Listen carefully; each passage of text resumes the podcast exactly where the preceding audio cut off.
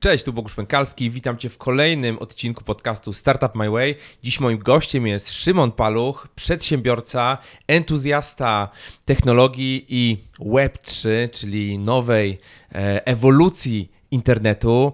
Wcześniej zaangażowany jako CTO w e, projekt upacjenta.pl, czy founder i CTO w Riot Agency, Software House, który został sprzedany. Zaraz zapytamy e, Szymona o to, e, jak to wszystko, jak to wszystko było. I dzisiaj, w dzisiejszym odcinku poruszymy właśnie temat tej ewolucji internetu Web 1, Web 2, Web 3 i dlaczego to jest ważne. I tak naprawdę chcemy zrobić takie intro dla osób, które nie są zaznajomione z tym tematem Web3, z tym, co się będzie działo w kolejnych latach, żebyście wy też zrozumieli, na czym ta rewolucja polega. E, I tak naprawdę sprawdzimy potem za, za 2, 3, 5 lat, czy to, co dzisiaj mówiliśmy, e, miało, miało sens i czy naprawdę jesteśmy na styku e, budowy nowego internetu. Więc już nie przedłużając, Szymon Paluch i jeszcze oczywiście Szymon jest w, Board Founders Clubie, tutaj koszuleczki, zaraz, zaraz zobaczycie koszulkę też, też Szymona, czyli w takiej społeczności, w naszym zamkniętym klubie e, globalnych innowatorów e, Web3. Więc zapraszam, jeżeli macie ochotę trochę o nas przeczytać, albo y, zobaczyć nasze materiały, które tworzymy, albo dołączyć do klubu, bo będzie też taka opcja, to gdzieś tutaj pod wideo albo w opisie podcastu znajdziecie link y, do boardfoundersclub.com. Wpadnijcie tam, zapiszcie się na listę oczekujących na newsletter e, i mam nadzieję, że, e, że zdobędziecie kolejną dawkę wiedzy. No i teraz już nie przedłużając, przed Wami Szymon Paluch. Cześć. Szymon, witam w podcaście. Cześć Bogusz, dzięki za zaproszenie. Powiedz mi na start, e, kim jesteś, czym się zajmujesz? Kim jestem? Aktualnie jestem byłym CTO u pacjenta i byłym funderem Riot Agency Czyli wyszedłem z tych ról, które pełniłem e, do tej pory na przestrzeni ostatnich sześciu lat, powiedzmy, po to, żeby właśnie zająć się internetem przyszłości, internet, nową ewolucją internetu, jak to powiedziałeś, czyli Web3. Tak. To jest taka droga, którą przechodziłem. E, sprzedałem firmę, e, porzuciłem wszystko to, co robiłem, po to, żeby pójść nieznane. Okej, okay. na wstępie powiem, że piękna koszulka. A dziękuję bardzo. BFC, tak. Board Founders Club. Tak, tak. I to jest część między innymi tego, co robię. Jestem członkiem tej społeczności i kilku innych też, bo widzę, że dużo się dzieje, dużo osób jest e, zaangażowanych. Chcę być na bieżąco, chcę widzieć, co się dzieje i też pomagać swoim doświadczeniem. Okej, okay, to może przejdźmy tak szybko po tej, po, trochę po tej twojej historii, zanim przejdziemy do tematu właśnie, właśnie Web3. E, jak to się w ogóle stało? Czym ty się zajmowałeś tak, e, tak przed budowaniem firm pier pierwszej firmy i czy w ogóle się czymś zajmowałeś tak, mhm. tak etatowo, czy... Znaczy nie do końca. Byłem na studiach, kiedy byłem na stażu mhm. i tam zrozumiałem, że korporacja, że taka droga klasyczna, gdzie można sobie iść od tego juniora, mida, potem jakiś senior i tak dalej, to nie jest do końca mój świat.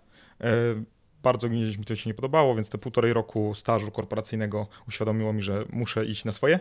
Wtedy zdecydowałem się, że właśnie rzucam tą pracę, rzucam studia, bo też nie kończyłem studiów hmm. i stwierdziłem, że idę na swoje. Zacząłem jako freelancer e, proste stronki internetowe, też w takiej mało popularnej technologii Meteor, JavaScriptowej. Mm, Natomiast e, pierwszy, pierwszy mój klient w Meteorze był z Niemiec, drugi z Australii, więc bardzo szybko to tak poszło międzynarodowo.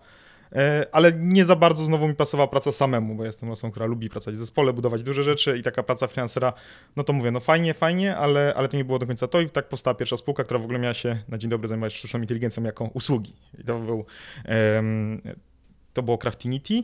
Założyliśmy to z kumplami ze studiów, którzy właśnie byli na informatyce. Oni się bardziej specjalizowali w sztucznej inteligencji, mhm. ja w programowaniu. E, natomiast tam był taki problem, że mało kto chciał wtedy za to płacić, bo to był 2014 15 jakoś, tak? 2015, tak. E, I wtedy za 8 tysięcy robiliśmy model machine learningowy dla firmy, która się zajmowała sprzedażą ciuchów, nie? To jest naprawdę 8 tysięcy złotych. To jest naprawdę śmieszne. Model, który działał, który teraz myślę, że to naprawdę za grube pieniądze mógłby pójść. E, natomiast tam się zaczęliśmy rozjeżdżać właśnie między innymi dlatego, że mieliśmy inne wizje na zarządzanie mhm. i ja chciałem, żeby była kasa i chciałem zarabiać, a chłopaki chcieli sobie zrobić takie koło naukowe, nie? Aha, w sensie aha, tak okay. mniej więcej wyglądało, że ich cieszyło to, że robią tą sztuczną inteligencję, dużo się uczyli, dużo czasu na to poświęcali, ale niestety kasy nie było. Ja byłem wtedy w takiej sytuacji, że ja potrzebowałem kasy mieć, bo już się sam utrzymywałem, oni jeszcze byli troszkę sponsorowani przez rodziców, więc yy, mieli troszkę luźniej. No, tak. no i gdzieś tutaj te nasze punkty widzenia, jak rozwijać tę firmę, w którą kierunku iść, były na tyle różne, że musieliśmy się rozstać. No i tak stwierdziłem, że ja się dobrze czuję w software developmentie, zawsze lubiłem robić startupy, podobało mi się to właśnie już na studiach, jakieś tam, wiesz, projekty takie drobne z kumplami robiliśmy, więc to jest moja droga, no i za, za, założyłem Software House, który miał pomagać startupom działać, tam nas była czwórka, Potem połączyliśmy się z drugą firmą, troszkę większą, pięcioosobową. E, no i tak powstało Riot Agency, które było tym moim takim pierwszym dużym tworem, które działało tak naprawdę od 2000 no 15 też wtedy, e, także, także na pod koniec zakładaliśmy i wtedy robiliśmy jako taki zewnętrzny zespół produktowy, -hmm. w przeciwieństwie do większości software house'ów, my nie chcieliśmy wynajmować programistów na godziny i sobie tylko brać kasę z tego, dla nas najlepszy klient to był taki, który przyszedł i mówił, mam problem, rozwiążcie. I my go od tej warstwy takiej strategicznej, przez design, dokumentację po wdrożenie, czyli nie jak wszystkie software house, które mówią, e, musimy mieć dobrze udokumentowany mm -hmm. wtedy siadamy, mm -hmm. dobrze wycenimy i siadamy e, do roboty, tylko my przy, byliśmy takim zewnętrznym zespołem produktowym. Klient, który nie wiedział, jak rozwiązać swój problem, mógł do nas przyjść. I tak działaliśmy. No i na tej zasadzie też przyszło do nas między innymi u pacjenta i tak moja droga się skrzyżowała z u pacjenta i, i tak naprawdę budowałem ten startup od początku, też od pierwszej linii kodu. Tak się pojawiła na mojej drodze diagnostyka i to wszystko się rozwijało w kierunku y, startupów, w kierunku medycznym i to były moje ostatnie lata tak naprawdę. I potem jakby sprzedałeś wszystko, co, co, co robiłeś? Tak, tak. Mieliśmy tu też taką okazję, że faktycznie bardzo dużo robiliśmy dla diagnostyki. Mieliśmy to takie dwa, udało się zbudować dwa dość duże zespoły y, i po prostu dogadaliśmy się, że w sumie nie ma sensu tego trzymać mhm. E, na zewnątrz, bo i tak te zespoły są dedykowane pod e, ten rynek e, medyczny, pod, pod diagnostykę. I wymyśliliśmy taki koncept, żeby stworzyć zewnętrzne centrum innowacji technologicznej, diagnostyka Digital Hub, czyli twór, który nie będzie częścią tej korporacji, nie będzie w środku, tylko będzie na zewnątrz i mhm. będzie wspierał tą korporację bez tych wszystkich obwarowań takich proceduralnych, które w korporacjach występują. Też będzie miał troszkę inną atmosferę, co miało zapewnić lepszą rekrutację możliwości rekrutacyjne.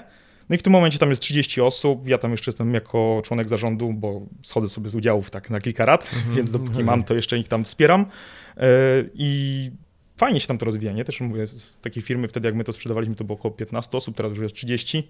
E, no i oni robią e-commerce, robią mobile, robią e, jakąś tam sztuczną inteligencję też będą chcieli wsadzać, także bardzo ciekawe rzeczy. Natomiast dla mnie to już było takie to już znam, to już jest klasyczne, to już robiłem ileś tam razy, robiłem startupy, robiłem e-commerce, mobile, potrzebowałem czegoś innego i wtedy poszła też ta decyzja, dojrzewałem przez ostatni rok, co ze swoim życiem zrobić. No i mówię, u pacjenta to coś czuję, że to nie do końca będzie z racji choćby tej technologii moja droga. Software House sprzedałem, co dalej? I no pojawiło się Web3. No właśnie, a jak, jaki był pierwszy twój kontakt w ogóle z kryptowalutami, blockchainem? Dzisiaj to nazywamy Web3, tak? To nie, niedawno jeszcze to było właśnie krypto, potem blockchain. Tak, tak. Wiesz co, to był 2017, znaczy gdzieś to oczywiście słyszałem o Bitcoinie już wcześniej, mm -hmm. natomiast nie przykuło jakiejś mojej dużej uwagi. Bardziej faktycznie skupiałem się wtedy na sztucznej inteligencji, mm -hmm. na e, jak mówiłem, myślałem o czymś innowacyjnym, to w tą mm -hmm. stronę raczej uciekałem. Natomiast 2017 18, jak była ta, ta górka też wtedy, e, ten, tak, tak. E, też duża. Do mainstreamów wpłynęło, tak, to tak, tam było I, tak, ICO wtedy były robione nałogowo, bo tam Ethereum pozwalało mhm. na robienie szybko tokenów. E, I wiesz co, miałem e, programistę u w House, który się mega tym jarał. On zawsze przychodził do mnie i mówił, Szymon, coś tam, coś tam, e, tutaj kryptowaluty, tu blockchain. A ja mam coś takiego, że jak rozmawiam szczególnie z osobami technicznymi, jako sam, jako osoba techniczna, nie lubię mm, nie wiedzieć, o czym -hmm. rozmawiam. Muszę tą wiedzę posiąść po to, żeby móc na równi z taką osobą rozmawiać. Więc jak on codziennie do mnie przychodził i chciał o tym rozmawiać, a ja nie mogłem z nim rozmawiać, to stwierdziłem, że poświęcę tam jeden, dwa, trzy weekendy po to, żeby się e, zapoznać. No i tak e, krok po kroku zacząłem w to wchodzić. E, w sumie to też jest taka ciekawa historia, bo zanim jakieś tam pierwsze kryptowaluty kupowałem, to napisałem własny blockchain po to, żeby zrozumieć, jak on działa w, mm -hmm. w JavaScriptie. Tak, taki mały projekt, wiesz, żeby zobaczyć tak, te tak. wszystkie mechanizmy od spodu. E, więc w ogóle jakby w ogóle odcinałem kryptowaluty. Dla mnie to była technologia blockchain, którą chciałem poznać, jak ona działa, a kryptowaluty miały drugorzędną e, były dla mnie drugorzędne. Natomiast faktycznie po czasie zrozumiałem, że ten e, system zachęt, które one wprowadzają, czyli dlaczego ta sieć jest w ogóle utrzymywana, dlaczego ludzie wchodzą w ten rynek, dlaczego e, wchodzą w tą technologię, jest bardzo istotna i nie da się tak e, odseparować w moim założeniu tych publicznych blockchainów od właśnie kryptowalut. To jest bardzo powiązane i to występuje i te tokeny i to jest wszystko bardzo istotne, ale to zrozumiałem po czasie, nie? I, tak naprawdę to się, ten 2017-2018 to było takie moje wejście pierwsze technologiczne, a potem też finansowe, kiedy zacząłem się bawić już kryptowalutami. No tak. Dobra, to przejdźmy już do właśnie do, do, do tematu Web3. Czy, czym w ogóle jest Web3 i co było wcześniej, tak? No Web 2.0 myślę, że dużo osób może kojarzyć, taka rewolucja Web 2.0. Ja tu mam trochę historyczny insight, jak to wyglądało, nie? No bo w sensie e, Web 2.0 Zostało pierwszy raz użyte w 1999 roku w, w jednym artykule, natomiast zostało rozpropagowane w 2004, kiedy po bańce.com, kiedy to wszystko pęknęło tam w 2000 roku, e, był taki bardzo negatywny sentyment na rynku, jeżeli chodzi o e, projekty internetowe, projekty IT. E, no i powstała taka dość duża kampania, było bardzo dużo konferencji, meetupów w Stanach Zjednoczonych, gdzie zaczęto promować Web2, czyli takie trochę odcięcie się od tego, co było przed bańką, bo ludzie mieli negatywny sentyment i powiedzieć, robimy to na nowo, tym razem z użytkownikiem w centrum. Tak. To no taka, właśnie, ale co, co, co, co to znaczy? Właśnie, właśnie teraz... co, co, co było w Web 1. No właśnie. Czyli w po, początkach sieci. Web 1 był, to była sieć, w której użytkownicy, ona była jednokierunkowa, tak? Czyli kiedy powstawał w latach 90. internet, były portale, można było sobie czytać jakieś tam newsy, wiadomości, dokumenty, czyli to było dużo stron internetowych, które tak naprawdę nie za bardzo różniły się od telewizji, czyli one nas zasypywały informacjami e, i my to mogliśmy, byliśmy konsumentami, mogliśmy to odczytywać, no ale nie za wiele mogliśmy z tym zrobić, oprócz tego, że sobie linkujemy się, chodzimy i to już tak była ta rewolucja Web 1, czyli że mamy dostęp do dokumentów, które są daleko, na, nie wiem, możemy bez problemu czytać strony ze Stanów Zjednoczonych w Polsce i możemy łatwo pomiędzy tymi stronami przechodzić, bo mamy linkowanie. No, ale problem był taki, że te treści były narzucane. Tak jak telewizji nie mamy wpływu na to, co nam mówią, i teraz dużo osób hejtuje telewizję, mówi, że internet jest miejscem wolności słowa, a telewizja nie, bo telewizja narzuca. Tak samo internet w tej pierwszej warstwie też nam narzucał w pewien sposób. Mogliśmy troszkę łatwiej zmieniać te kanały, czyli zmieniać strony, ale nie było jak wyrazić feedbacku, nie było jak wyrazić swojego zdania. I tu przyszło dwa, które e, rozwija się technologia, pojawił się mm, wiem, JavaScript, pojawił się Ajax, można było łatwo ten content od użytkowników pobierać i nagle użytkownik w centrum to było coś takiego. Pozwólmy użytkownikom tworzyć ten internet, czyli niech ich e, wpisy, mówimy o blogach, o postach, niech ich zdjęcia, niech ich wideo, niech ich komentarze, niech ich e, akcje, czyli jakieś lajki, niech to one budują ten internet, czyli zbieranie danych od użytkowników i dzięki temu tworzenie internetu. Internet 2.0 to jest internet twórców, bo użytkownicy zaczęli tworzyć. Oczywiście jest to jakiś tam mały procent wszystkich użytkowników internetu, bo więcej z tych czytających, ale to już wystarczyło na to, żeby napędzić i żeby powstały takie platformy jak Facebook, Twitter, Instagram, YouTube. To wszystko właśnie budują tak naprawdę użytkownicy. Natomiast tu się pojawia ten problem. Teraz trochę dochodzimy do tego internetu 3.0, czym jest internet 3.0. Pomimo, iż użytkownicy tworzyli ten internet, to raczej na tym nie zarabiali. Większość osób, które tworzy w internecie albo w ogóle nie zarabia, albo zarabia jakiś mały procent, czyli mały procent użytkowników zarabia mały procent tego, co te firmy zarabiają. Dlaczego? Bo pomimo, iż jesteśmy twórcami w internecie, to nie jesteśmy takim, znaczy w świetle prawa jesteśmy, ale w świetle rzeczywistości cyfrowej nie jesteśmy właścicielami tego, co stworzyliśmy, no bo zapisujemy to na jakimś serwerze i w tym momencie praktycznie tracimy nad tym kontrolę. Yy, ktoś może nam to wyłączyć, zmienić, ograniczyć dostęp dla pewnych osób, a przede wszystkim może na tym zarabiać. I dokładnie to robią platformy internetowe, czyli Web2 teoretycznie chciało postawić użytkownika w centrum, ale tak naprawdę mm, wzięło od niego dane i zaczęło na nich zarabiać. Więc straciliśmy tą taką własność cyfrową. I... Czyli przechodzimy do momentu, kiedy ta, ta własność będzie jakby bardziej faktycznie e, nasza, tak, a nie na nie Facebooka czy Twittera? Wiesz co, to, to jest taki problem, z którym ludzie się zmierzą tak naprawdę od wielu lat, nie? W sensie, jak udowodnić, że coś jest nasze? I dlatego powstała cała instytucja notariusza, tak? No bo mm. okej, okay, ty masz fajną koszulkę, tak. wiem, że jest twoja, bo ją nosisz na sobie, nie? E, ja też mam fajną koszulkę, jest moja, bo ją noszę na sobie, natomiast e, w przypadku plików cyfrowych, tym bardziej w przypadku rzeczy zapisanych w internecie, bo jeszcze mogę udowodnić, że jakiś plik jest mój, jeżeli on jest u mnie na komputerze i tylko u mnie, nikt go nie, nie ma. Natomiast plik można łatwo skopiować, nie? I może być nagle ten sam plik tak, na dwóch tak. komputerach. Tej koszulki łatwo się nie da skopiować, trzeba zrobić drugą taką samą mm. i mhm. trochę, trochę cięższe. E, drugiego takiego domu, samego domu nie postawisz już, nie? I mm, nagle się okazało, że nie ma za bardzo mechanizmów, albo że są, ale nie są, nie są za bardzo wykorzystywane do tego, żeby udowodnić wartość w świecie cyfrowym.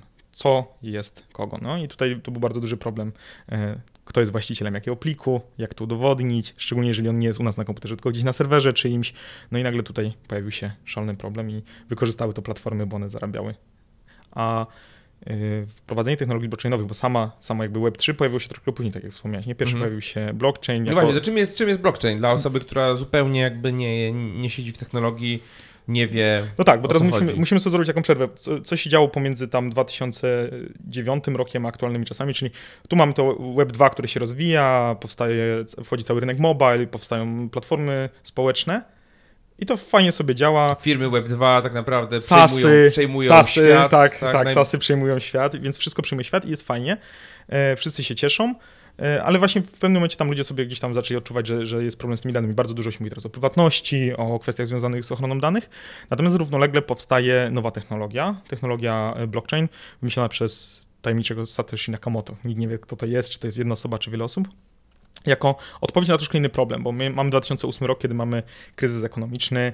E, banki, pomimo iż wprowadziły w ten kryzys świat, sprzedając tak naprawdę rynek nieruchomości bardzo tanio, mhm. instrumenty finansowe, które pozwalały sobie kupować mieszkania w Stanach, e, nie poniosły konsekwencji. I dużo osób było tym oburzonych, że, że państwa bronią banków, które same ten kryzys e, napędziły, sterują tym rynkiem, no i powstała koncepcja waluty, która nie jest sterowana przez żaden rząd, przez żaden bank. E, I był to Bitcoin, w sensie jako odpowiedź na, na ten kryzys w 2008. No i żeby coś takiego mogło powstać, no to nie mogło być scentralizowane w niczyich rękach i to jest taka um, odpowiedź do e, manifestu Cypherpunks, w, jeżeli się cofniemy w czasie, to są lata 80., początek lat 90., e, dużo osób upatrywało wolności w kryptografii. Były takie grupy, takie fora, gdzie, gdzie e, ludzie upatrywali wolności w kryptografii i tam z tego nurtu wyszła taka idea, że jeżeli coś jest scentralizowane, nawet w rękach potencjalnie osoby, która ma dobre intencje, zawsze może zostać wykorzystane w złym celu. Bo teraz wyobraź sobie taką sytuację, że e, ty jesteś odpowiedzialny za taką cyfrową walutę. Jest ona scentralizowana na twoim serwerze. Teoretycznie masz dobre intencje, bo chcesz, żeby nie, nie, nie, nie, dało się tam zrobić inflacji, czy nie dodrukowujesz nowe, nowych e, tokenów, e, nie manipulujesz tym i tak dalej. Ale coś się stało w twoim życiu, nie wiem, twoja, ktoś z twojej rodziny ma raka, nie wiem, albo ty masz raka, nagle potrzebujesz dużych pieniędzy, mm -hmm. jest ryzyko, że wpadnie ci do głowy, że będziesz manipulować. Więc nawet jeżeli ktoś ma dobre intencje dzisiaj, to nie znaczy, że on będzie miał zawsze. Więc e, powstał problem, jak zrobić taką walutę, której nie będzie w stanie nikt kontrolować, nawet jej twórca. I okazało się, że jest to możliwe, jeżeli się wprowadzi decentralizację, czyli nie będzie jednego punktu, który mm, będzie sterował tą walutą, tylko będzie wiele różnych punktów i teraz one muszą jakoś się dogadać, że to jest prawdziwy stan na dzień dzisiejszy, czyli dana osoba ma takie środki, a inna ma takie e, i te wszystkie punkty muszą się dogadać. Ich tym punktów jest więcej, czyli ich tak zwanych węzłów w tej sieci jest więcej, mhm. tym mamy większe bezpieczeństwo, większe e, pewność, że nikt tym nie manipuluje. I o to tak naprawdę chodziło w wprowadzeniu sieci e, w Bitcoin i w wprowadzeniu blockchaina, czyli stworzenie takiej technologii, która będzie pozwalała się dogadać wielu osobom, wielu tym wezmom, jaki jest aktualny stan. Tak. I do tego też była potrzebna ta energia, te ilości, miliony operacji tak. robione przez tak tu, zwanych górników. Tu mówisz o, o górnikach, mówisz tak. o mechanizmie konsensusu. Właśnie konsensus, czyli ustalenie tego, jaki jest stan sieci, polega mniej więcej na tym, że każdy próbuje obliczyć jakąś taką, rozwiązać zagadkę matematyczną. Mm. To jest taka zagadka matematyczna, e, bardzo prosta. W sensie chodzi o to, żeby znaleźć konkretną liczbę. Każdy próbuje znaleźć jakąś tam liczbę. Już nie, nie wchodźmy może w szczegóły, mhm. z czego to wynika ta liczba, ale każdy próbuje znaleźć liczbę. I co, co robi? Próbuje. Jeden, dwa, trzy, cztery. Losuje sobie liczbę, aż trafi. I ten, kto trafi, ma prawo dodać nowe zapisy do tej sieci. E, I stąd ta, ten pobór energii, bo bardzo trudno znaleźć tą liczbę i trzeba po prostu ileś tych powtórzeń e, zrobić, zanim się trafi. Natomiast to zabezpiecza sieć, że tylko jedna osoba może dodać, a, w, a zgadując tą liczbę może udowodnić, że, że to ona może to dodać, bo mówi, słuchajcie, to jest ta liczba, sprawdźcie sobie, czy z tą liczbą się wam zgadza ta zagadka, jeżeli się zgadza, to znaczy ja mam prawo dodać do sieci i za to dostaję nagrodę, czyli te nowe bitcoiny. E, I to jest ten system tych e, zachęt, który sprawia, że w ogóle ludzie chcą tą sieć utrzymywać, bo mogą dzięki temu zarabiać. Tak. No i to powstało w ogóle, mówię, w oderwaniu od tego Web2, tu nie mówimy nic mhm. o danych, mówimy sobie o tym, że po prostu była odpowiedź na stworzenie systemu, który będzie mm, odporny e, finansowo. No i tak powstał Bitcoin. I sobie... Słyszałem y, ostatnio bardzo fajną, bardzo fajną rzecz y, odnośnie tego, no bo wiadomo, klasyczny argument, Bitcoin zużywa ogromne ilości, y, ogromne ilości energii. energii i tak dalej. Już jakby nie będę wchodził w szczegóły, natomiast jak spojrzymy sobie na przykład, ktoś to porównał, nie wiem, do jakiegoś tam Wizy czy, czy Mastercarda, ale jeżeli chcemy tak naprawdę zobaczyć kto jest gwarantem waluty, na przykład dolara, to musimy wziąć e, pod uwagę, ile zużywa energii cały kraj, plus e, utrzymanie wojska, mhm. utrzymanie żołnierzy, którzy, którzy są tak. de facto tak. gwarantem nie?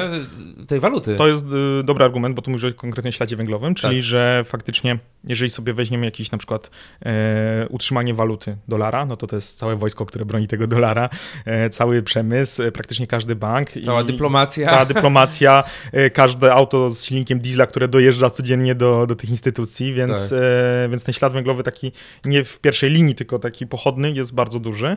E, a I fakty... jest to zabezpieczone tak naprawdę przez jednak czynnik ludzki. Tak. I przez bank centralny, który może tak. dorzucać do pieca tych i mhm. tak naprawdę okradać ostatecznie swoich obywateli zmniejszając... Wpływać na wartość. Tak, wpływać, na, wartość. Wpływać, wpływać, bronić wartości, tak. tak to się oficjalnie nazywa, bo oni bronią e, wartości. Ale wiesz co, e, jeżeli jeszcze przy tej energii jesteśmy, bo tak, e, energia to jest taki temat e, bardzo wrażliwy teraz i faktycznie patrząc na to, na przykład na działanie banków, Bitcoin ma zastąpić banki. No to same banki generują bardzo dużo, ich serwery, właśnie ich auta, ich pracownicy generują bardzo dużo śladu węglowego. To jest jedna rzecz. Druga sprawa, skąd się ta energia bierze? Już teraz są szacunki, że gdzieś tam 70% energii e, w sieci Bitcoin jest dostarczana z odnawialnych źródeł energii. Więc to nie jest problem, że tej energii się dużo zużywa, tylko z jakich ona jest źródeł. Tak. tak. To jest jakby druga rzecz. E, kolejna rzecz to jest eksploatacja, że w sensie, że, że też nie jest tak, że e, powstaje dużo elektrośmieci, bo to jest kolejny zarzut, jeżeli mówimy o ekologii, że e, bierzemy te karty graficzne i potem się je wyrzuca, wymienia na nowsze, ale, fakty, ale gdzieś to tak wygląda w sieci Bitcoin, że te karty są do maksa eksplorowane. No nawet karty sprzed wielu, wielu lat cały czas działają i utrzymują tą sieć. Także jest oczywiście ekologia ważna, ale to też trzeba patrzeć na ten, to szerzej. E, natomiast musimy mieć świadomość tego, że o ile inne blockchainy, jeżeli teraz spojrzymy na Ethereum, próbują zmienić ten mechanizm konsensusu na troszkę inny, czyli mm. ten e, osiągnąć tą zgodę w sieci w inny sposób, w taki, który będzie mniej energożerny, to Bitcoin e, cały czas, osoby rozwijające Bitcoina cały czas obstawiają przy tym, żeby zostać przy tym mechanizmie, który konsumuje dużo energii. Więc raczej tam bym nie zakładał, że będzie zmiana. Tylko... No właśnie, a jakie jest połączenie między tym blockchainem? Ok, mamy blockchain, czy jakąś taką zdecentralizowaną bazę danych, w której są te wszystkie transakcje i ludzie się zgadzają, czy, czy są ok, dzięki temu e, nie można tym manipulować. No i jak, jak jest połączenie między blockchainem a kryptowalutą? Czy jest nie wiem, jeden blockchain, jedna kryptowaluta, czy tego jest wiele? Jak, jak, jak to czy, wygląda? Wiesz co, tutaj y, tu będzie y, odpowiedź dwojaka. Hmm. bo tak, bo blockchain, blockchain to jest, y, ma tą swoją kryptowalutę wpisaną w kod źródłowy, nie? czyli mamy e, bitcoina e, w sieci Bitcoin, który jest e, systemem zachęt dla tych górników, żeby oni to w ogóle kopali, czyli jest ten główny tak zwany coin, który można zarobić za to, że się utrzymuje tą sieć. I ten coin też potem jest przesyłany pomiędzy ludźmi, są pobierane opłaty transakcyjne, czyli żeby przesłać taką transakcję też tym górnikom odpalamy troszkę kasy. I w, w takim Bitcoinie mamy w tym momencie Bitcoina, czyli jeden, jeden tak. ten coin. E, natomiast to, o czym ty mówisz, to musimy teraz e, zbliżyć się trochę do Web3, bo my jeszcze nie doszliśmy mm -hmm. historycznie do Web3, czyli e, do Ethereum i tego, co zaproponował, zaproponował Vitalik Buterin, bo on w, jako jeden z twórców Ethereum stwierdził, że fajnie, że mamy, mamy taką sieć, ale można ją rozszerzyć, bo skoro mamy zdecentralizowany system, który robi jakieś proste obliczenia do przesyłania transakcji, E, i obliczenia tego konsensusu, to równie dobrze może, y, można też obliczać inne rzeczy, na przykład tak zwane smart kontrakty, czyli opis tego, jak te mm, przepływające środki mają się zachowywać. Czyli nie tylko, że ja przesyłam tobie, tylko możemy powiedzieć, ok, to podczas tego, kiedy ja będę przesyłał jakąś transakcję tobie, to jeszcze część tego pójdzie do na przykład innej mhm. osoby, albo zostanie zablokowany na jakiś czas, E, dopóki nie, nie zostaną spełnione jakieś warunki. Czy możemy kontrakt między sobą opisać i on będzie egzekwowany przez tą sieć. Czyli nie jest taki prosty przesył, tylko przesył tak zwany warunkowy. I, mhm. i to było, od tego się zaczęło Ethereum, że możemy przesyłać e, środki pod jakimś warunkiem i mało tego w e, pierwszych opisach już Ethereum e, Vitalik zauważył, że wprowadzając to, czyli dodając taką logikę do tych transferów, tworzymy coś tak naprawdę jak taki zdecentralizowany komputer, zdecentralizowaną maszynę obliczeniową, czyli można zacząć robić e, jakieś bardziej zaawansowane rzeczy.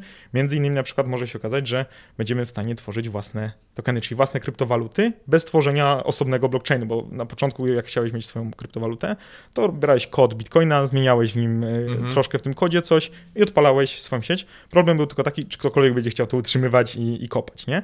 E, no i tutaj Vitalik przyszedł i mówi, ok, no tak mamy te smart kontrakty, to w nich można taką logikę opisać, że powstanie coś takiego jak token, czyli będzie to właśnie kryptowaluta, ale nie z własnym blockchainem, tylko wykorzystująca ten blockchain, na którym została zaprogramowana. Czyli nie musisz już tworzyć własnego blockchaina, nie musisz płacić tym ludziom za utrzymywanie tego blockchaina, a możesz mieć własną kryptowalutę przez opisanie odpowiedniego tego kontraktu, czyli zasad, jak one mają być przesyłane, te tokeny. E, I tak kroczek po kroczku, do, dodając tą logikę, po, pojawiają się tokeny, pojawia się możliwość przetrzymywania danych w tym blockchain, pojawia się możliwość programowania, bo to też o to chodzi, że, że ten smart kontrakty to są tak naprawdę takie małe programy. Nagle się okazuje, że możemy zrobić sieć, którą da się zaprogramować, która jest w stanie e, przetrzymywać dane, która jest w stanie mieć jakieś warunki i jest w stanie udowodnić własność, no bo na tym się polega, polegał e, Bitcoin, że on udowadniał, kto jest właścicielem danych środków. Więc nagle się okazuje, że takie Ethereum może udowodnić, kto jest właścicielem jakich środków, jakich tokenów, jakich danych, czyli mamy potwierdzenie własności, mamy potwierdzenie y, tego, czego brakowało nam w Web2. I tu się nam teraz to zaczyna spinać, że w Web2 mieliśmy jakieś tam pliki, jakieś wpisy, coś miało być, ale to było gdzieś na jakimś serwerze, nikt nie mógł potwierdzić, czyje to jest, oprócz tej osoby, która zarządzała mhm. z tym serwerem. A tutaj, rozwiązując problem E, centralnych walut. Mamy zdecentralizowane waluty, walutę, którą nikt nie może kontrolować i mamy, tak jak mówisz, zdecentralizowaną bazę danych, zdecentralizowany rejestr, który potwierdza, kto jest właścicielem czego, bez możliwości manipulacji przez jedną osobę.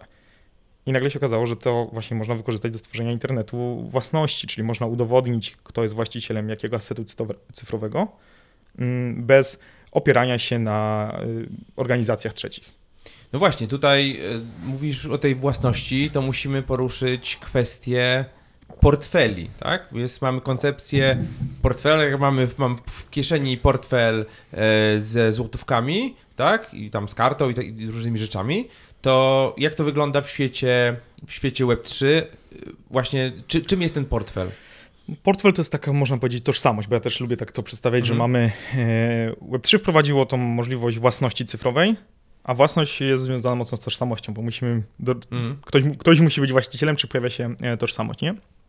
I portfel tak naprawdę to jest e, jakiś tam adres, który wskazuje, jest naszym identyfikatorem, nie? To jest tak jak mamy, nie wiem, numer dowodu osobistego albo numer paszportu. No to jest mniej więcej coś mm. w mhm. ten deseń, tylko to jest znacznie dłuższe, jakoś algorytmicznie wyliczone.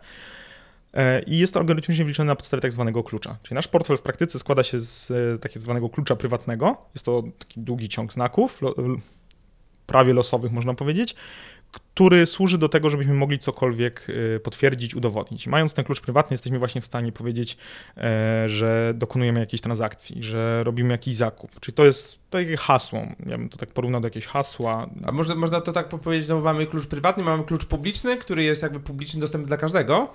Tak? To, no, wchodzimy, właśnie tak staram się to mówić. Adres. Adres, nie, bo to jest tak, że y, mówimy teraz o kryptografii, to są już y, ciężkie zagadnienia dla większości ludzi, którzy gdzieś wchodzą w ten temat. E, mamy takie zagadnienie kryptografia klucza publicznego. Polega to mniej więcej na tym, że tworzymy sobie właśnie ten klucz pierwszy prywatny, czyli to jest, ma być coś, czy czym się nie dzielimy ze światem. To służy do potwierdzenia właśnie, e, że my podpisaliśmy dany plik, dany transfer i na podstawie tego klucza prywatnego możemy stworzyć klucz publiczny. I teraz yy, zasada jest taka, że z klucza prywatnego da się stworzyć klucz publiczny, ale z klucza publicznego nie da się odtworzyć klucza prywatnego. Jest to bardzo, bardzo ciężkie. Dzięki czemu ten klucz publiczny możemy dzielić się nim ze światem i on właśnie będzie tym naszym identyfikatorem, czyli e, podpisując coś kluczem prywatnym, czyli jak mam, wiesz, mamy jakąś umowę, nie? w sensie ja sobie z tobą zabiorę umowę, podpiszę tym kluczem prywatnym, to teraz każdy będzie mógł zweryfikować, posiadając klucz publiczny, który może być dostępny wszędzie, że ja to podpisałem. Ja nie muszę udostępniać, w przeciwieństwie do zwykłego hasła, musiałbym udostępnić swoje hasło ludziom, żeby mogli sprawdzić, tak. czy, czy to ja podpisałem. A ta kryptografia pozwala na coś takiego. Ja trzymam klucz prywatny do podpisu, a wszyscy mają klucz publiczny do potwierdzenia, do sprawdzenia, czy faktycznie ja to podpisałem. Tak, tak bym to. Można określił. też to tak łatwo, łatwo powiedzieć troszkę na takim, takim prostym przykładzie, czyli za, załóżmy, że mamy skrzynkę pocztową i ten klucz publiczny to jest, to jest adres tej skrzynki pocztowej, tak? Y, a klucz prywatny to jest kluczyk do tej skrzynki. Czyli każdy ma adres, każdy może nam tak, coś wysłać, tak. natomiast otworzyć skrzynkę de facto i sprawdzić, co jest w środku, możemy, możemy tylko my. Tak, tam jest jeszcze jedno, jedno, tylko takie ale, żeby się już nikt nie, nie mhm. przyczepił, jeżeli będą no. słuchać bardzo, bardziej techniczne osoby. E, w sieciach blockchain można korzystać z klucza publicznego, ale na przykład najczęściej się korzysta z adresu, a e, bierze się klucz publiczny, jeszcze go się troszkę obrabia i powstaje adres, który jest prostszy, krótszy i dodatkowo zabezpiecza nas przed komputerami kwantowymi. Bo to jest jeszcze jedna rzecz, którą warto poruszyć, ale, ale już taka bardziej skomplikowana, bo dużo osób mówi, że jak powstają komputery kwantowe, to część blockchainów może paść, tak. bo będzie można bardzo łatwo łamać te klucze. Ale no są już blockchainy, które są w miarę odporne na komputery kwantowe i właśnie jeszcze stworzenie adresu z klucza publicznego też pomaga w jakimś stopniu zabezpieczyć przed komputerami kwantowymi. To myślę, że teraz już osoby mniej techniczne e, zaczę, zaczęły odjeżdżać trochę. No dobra, wracamy, wracamy. Już nie będziemy komputerów kwantowych dzisiaj. Z, z, tema, z tematem. E, Okej, okay, czyli mamy, mamy ten portfel, a jak to tak e, od praktycznej strony wygląda? Czyli chcę kupić, chcę kupić bitcoina albo chcę kupić Ethereum, Bitcoin najbardziej znana e, kryptowaluta na blockchainie Bitcoin i Ether na blockchainie to, Ethereum druga. I co robisz, tak? To, to już ci mówię, co robisz i, i czemu robisz to źle, jak czemu większość robi to źle. E, akurat miałem okazję rozmawiać z wieloma osobami, które gdzieś tam są na początku swojej przygody z kryptowalutami i jedno z pytań, które było to, czy masz portfel kryptowalut? I najczęstszą odpowiedzią było, tak, mam konto na Binance, tak, mam Coinbase'a. Ja mówię, no to nie masz portfela kryptowalutowego, bo mm, to, co jest istotne w tym całym świecie, to że mamy bezpieczeństwo kontra wygodę najczęściej. To, to jest taki największy problem teraz e, tego, co się dzieje w e, projektach kryptowalutowych, czyli możemy mieć ten swój portfel, czy ściągnąć jakąś aplikację, ona właśnie pomaga wygenerować nam ten klucz, bo tego nie robimy ręcznie, tylko tam aplikacja nam pomaga, ale ten klucz jest cały czas przy nas, czyli nikt nie ma do niego dostępu, my powinniśmy go sobie gdzieś zapisać, żeby go móc otworzyć i wtedy jesteśmy my sami jesteśmy gwarantem naszych środków. Nikt nam nie może ich ukraść, bo tylko my mamy ten klucz. E, natomiast jest to już jakiś poziom skomplikowania, żeby faktycznie mhm. ściągnąć aplikację, e, wybrać hasło i zapisać sobie y, gdzieś to klucz prywatny. Nie, znaczy dla mnie to nie jest skomplikowane, a jednak się okazuje, że dla wielu osób jest. E, natomiast y, z drugiej strony można zrobić to klasycznie, czyli tak jak Web2, czyli założyć sobie konto, podać maila, zabezpieczyć go hasłem, dać e, dwustopniową autentykację, czyli tam jakiś telefon podać i wejść na taką giełdę albo na kantor kryptowalutowy, e, tak jakbyśmy wchodzili na każdy inny portal i oni za nas zakładają ten portfel, tylko że oni nam nie dają tego klucza. I wtedy my mamy u nich konto, mamy wszystko łatwo, prosto, e, mamy jakąś tam weryfikację jeszcze tożsamości aktualnie, możemy sobie zrobić zwykły przelew bankowy, jakiś szybki przelew z karty e, i zasilić nasz, nasze konto u nich właśnie pierwsze złotówkami, euro, dolarami, zależnie gdzie jesteśmy i jakie mamy wspierane waluty, a następnie kupić tam tak jak do, dokonujemy zwykłej wymiany walutowej, nie? wymienić tak. sobie na jakiś Ethereum, na, na Bitcoin i możemy tym operować. Z tym, że nie mamy tych kluczy i to oni operują tak naprawdę za nas. Oni są tym pośrednikiem, który operuje za nas i to można powiedzieć, że jest najprostsza droga, czy najbardziej intuicyjna dla wielu osób, ale nie do końca poprawna z punktu widzenia Web3, bo jeżeli Web3, jeżeli krypto ma nam oddać naszą własność, no to tutaj nie oddaje nam jej, no bo nie, ma, nie jesteśmy właścicielami tego klucza prywatnego i to jest e, duży problem. Jest to dobra droga, jeżeli chcemy jakoś sobie ograniczyć koszta i tam, nie wiem, kupić środki, ale potem przelać je właśnie na nasz portfel, czyli zrobić transakcję pomiędzy, mhm. bo teraz to, co jest ważne, my w świecie, o ile w świecie rzeczywistym mamy jeden paszport, jeden dowód, e, to w świecie tym e, wirtualnym możemy mieć wiele kont. Tak jak mamy wiele skrzynek mailowych, to możemy mieć wiele tych portfeli. Sami między sobą możemy te środki po prostu przelewać. E, więc jak teraz zakupić taki Ether? Można to zrobić w taki sposób prosty przez Coinbase, przez Binance'a e, i potem przelać je na przykładowo e, portfel. Dużo portfeli też kryptowalutowych e, wspiera możliwość już zapłacenia kartą i też w jakiś tam sposób pośrednio pobierają z karty i zasilają nam taki portfel. Przykładowo najpopularniejszy taki portfel pod Web3, czyli MetaMask ma wbudowaną możliwość zasilenia bezpośrednio tak. z karty, tam przez trzech prowajderów można wybrać. Nie jest to tanie, w sensie jak y, mówię, taki, Binance i, i przelew na przykład zwykły bankowy wychodzi znacznie taniej.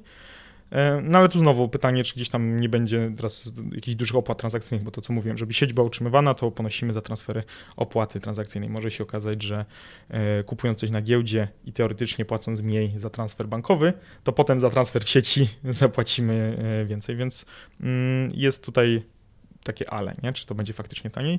Ja szczerze powiedziawszy, jak na przykład zasilam swój portfel na, na Metamask, to się bardzo nie przejmuję. Po prostu biorę to, co jest najwygodniejsze, czyli bezpośrednio z wbudowanego tam systemu sobie zasilam i działa. Tak. No ja mogę też polecić taki polski startup Ramp. Ramp, Ramp. E, bardzo, bardzo fajnie działa, szczególnie w połączeniu z Revolutem, gdzie mm -hmm. dużo osób w Polsce ma, ma Revoluta i tam są bez, od razu jakby instant przelew z Revoluta, mm -hmm. trzy kliknięcia i a teraz też chyba PayPal wraca do krypto. Tak, Stripe tak. gdzieś tam zaczyna bawić. Tak. Myślę, że za chwilę to będzie, będzie proste, tak. nie? W sensie to nie powinno oczywiście polskie banki mają z tym problem i nowe, na przykład wchodziłem na jedno z kont bankowych, dostałem taki wielki pop-up, e, czy e, żebym zaznaczył, że nie czerpię e, regularnych zysków z kryptoaktywów i nie było opcji anuluj, pomiń, tylko musiałem da, dać, dać OK. Znaczy ja, ja osobiście tego, e, tego, tego nie robię. Ale polskie banki wiem, że mają na pewno z tym, z tym problemy, Ale przelewaniem jakichś portfeli. Giełdy też mają problemy, w sensie jakby to, bo to też żebyśmy się nie czarowali, bo dużo osób jakby słysząc blockchain, słysząc e, kryptowaluty, w dużej mierze myśli o anonimowości. Ja jakby teraz anonimowość odstawiam trochę na bok, jeżeli mówimy o tych systemach, bo w większości przypadków to nie jest już aż tak bardzo anonimowe. Żeby wejść w ten świat, tak jak e, ci mówiłem, no to musimy przejść przez jakąś giełdę, przez jakiś kantor, tak. a w większości przypadków one już są e, z urzędami dogadane, z policją dogadane, mają KYC, czy musimy podać, nie wiem, skan dowodu, tak. E, więc ta tożsamość jest w jakiś tam sposób mniej bądź bardziej do namierzenia.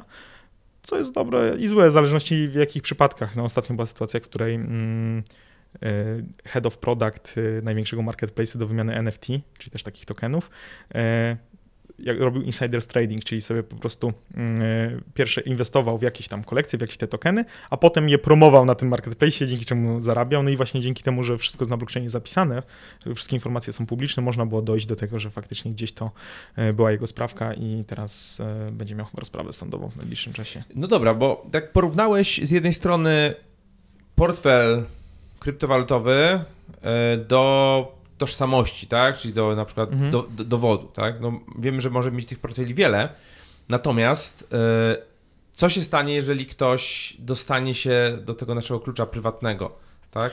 No, to jest problem, nie? W sensie, jeżeli ktoś e, pozna nasz klucz prywatny, yy, to, to on jest skompromitowany, można powiedzieć. Czy już taki portfel jest do kosza, nie? W sensie już w tym momencie... Czyli ma dostęp do wszystkich naszych środków, ma dostęp z dowolnego do miejsca na świecie. Tak, yy, ma dostęp do naszych środków, to jest duży problem, bo wiesz, to, to jest właśnie ten, y, w, w, przypadku takiego na przykład Gmaila albo jakiegoś innego maila zawsze możemy spróbować zmienić hasło, są jakieś tam systemy zabezpieczenia. Tutaj nie ma tak łatwo, tutaj tak naprawdę musimy założyć nowy portfel. Łatwo się go zakłada, ale możemy stracić wszystkie środki. E, może być w ogóle jeszcze taki przypadek bardzo specyficzny, kiedy mamy na przykład środki gdzieś zablokowane w jakichś mechanizmach, tych smart kontraktach mhm. związanych e, z tym rynkiem zdecentralizowanych finansów i na przykład czekamy na nie, nie? czy chcemy je odzyskać i potencjalnie e, one będą mogły wrócić tylko na ten skompromitowany mm -hmm. portfel, czyli jak na przykład jakiś haker tam wejdzie i jeszcze postawi jakiś skrypt, który na tym siedzi, jak tylko pojawią się nowe środki będzie próbował je wyciągnąć, no to, to też mamy problem, nie? No, bo, no bo to on zarobi na tym, co my gdzieś tam e, sobie przetrzymujemy na zewnątrz.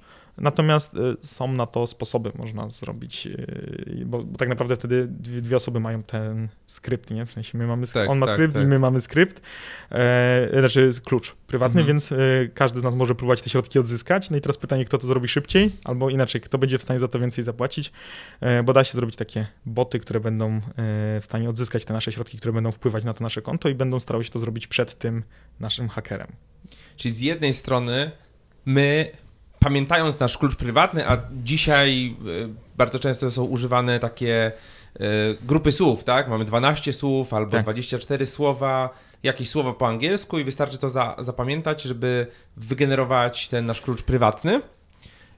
I wystarczy, że zapamiętamy te powiedzmy te 12 słów i de facto możemy, nie wiem, opuścić kraj, wyjechać i w dowolnym miejscu na świecie odzyskać dostęp do naszych środków, pamiętając tylko te słowa. To jest, nie? tak, to o czym mówisz, to jest e, znowu temat odzyskiwania jakby dostępu, czyli co jeżeli zapomnimy hasło, tak. E, albo zgubimy sprzęt, na którym jest ten klucz prywatny, jest możliwość w większości przy, przypadków odzyskać to przez te. Y, to są takie słowa, które e, odpowiednia kombinacja tych słów e, pozwala na wygenerowanie na nowo tego klucza nie, prywatnego, więc e, one są na tyle łatwe, jest ich 12, może być też więcej, może być 15, 24. E, można to zapamiętać sobie. I, I teraz dzięki temu, wiesz, Złoto ciężko przewieźć przez granicę. Gotówkę też, też różnie. Teraz mamy sytuację na, za wschodnią granicą Ukrainy, tam się różne rzeczy działy, no i e, majątek ludzie często tracili, dlatego na przykład, że nie byli go w stanie wywieźć. Nie? Szczególnie, jeżeli masz dużo tego majątku, no to wiesz, nie spakujesz sobie walizki pełnej dolców. E, ze złotem, mówię, będzie problem, bo, bo na granicy to będzie piszczeć i zaraz będzie, będzie dużo pytań. E, no, diamenty można próbować, to jest taki do, do, dobry case do przeważenia, bo są małe, wartościowe i, i nie piszczą na bramkach.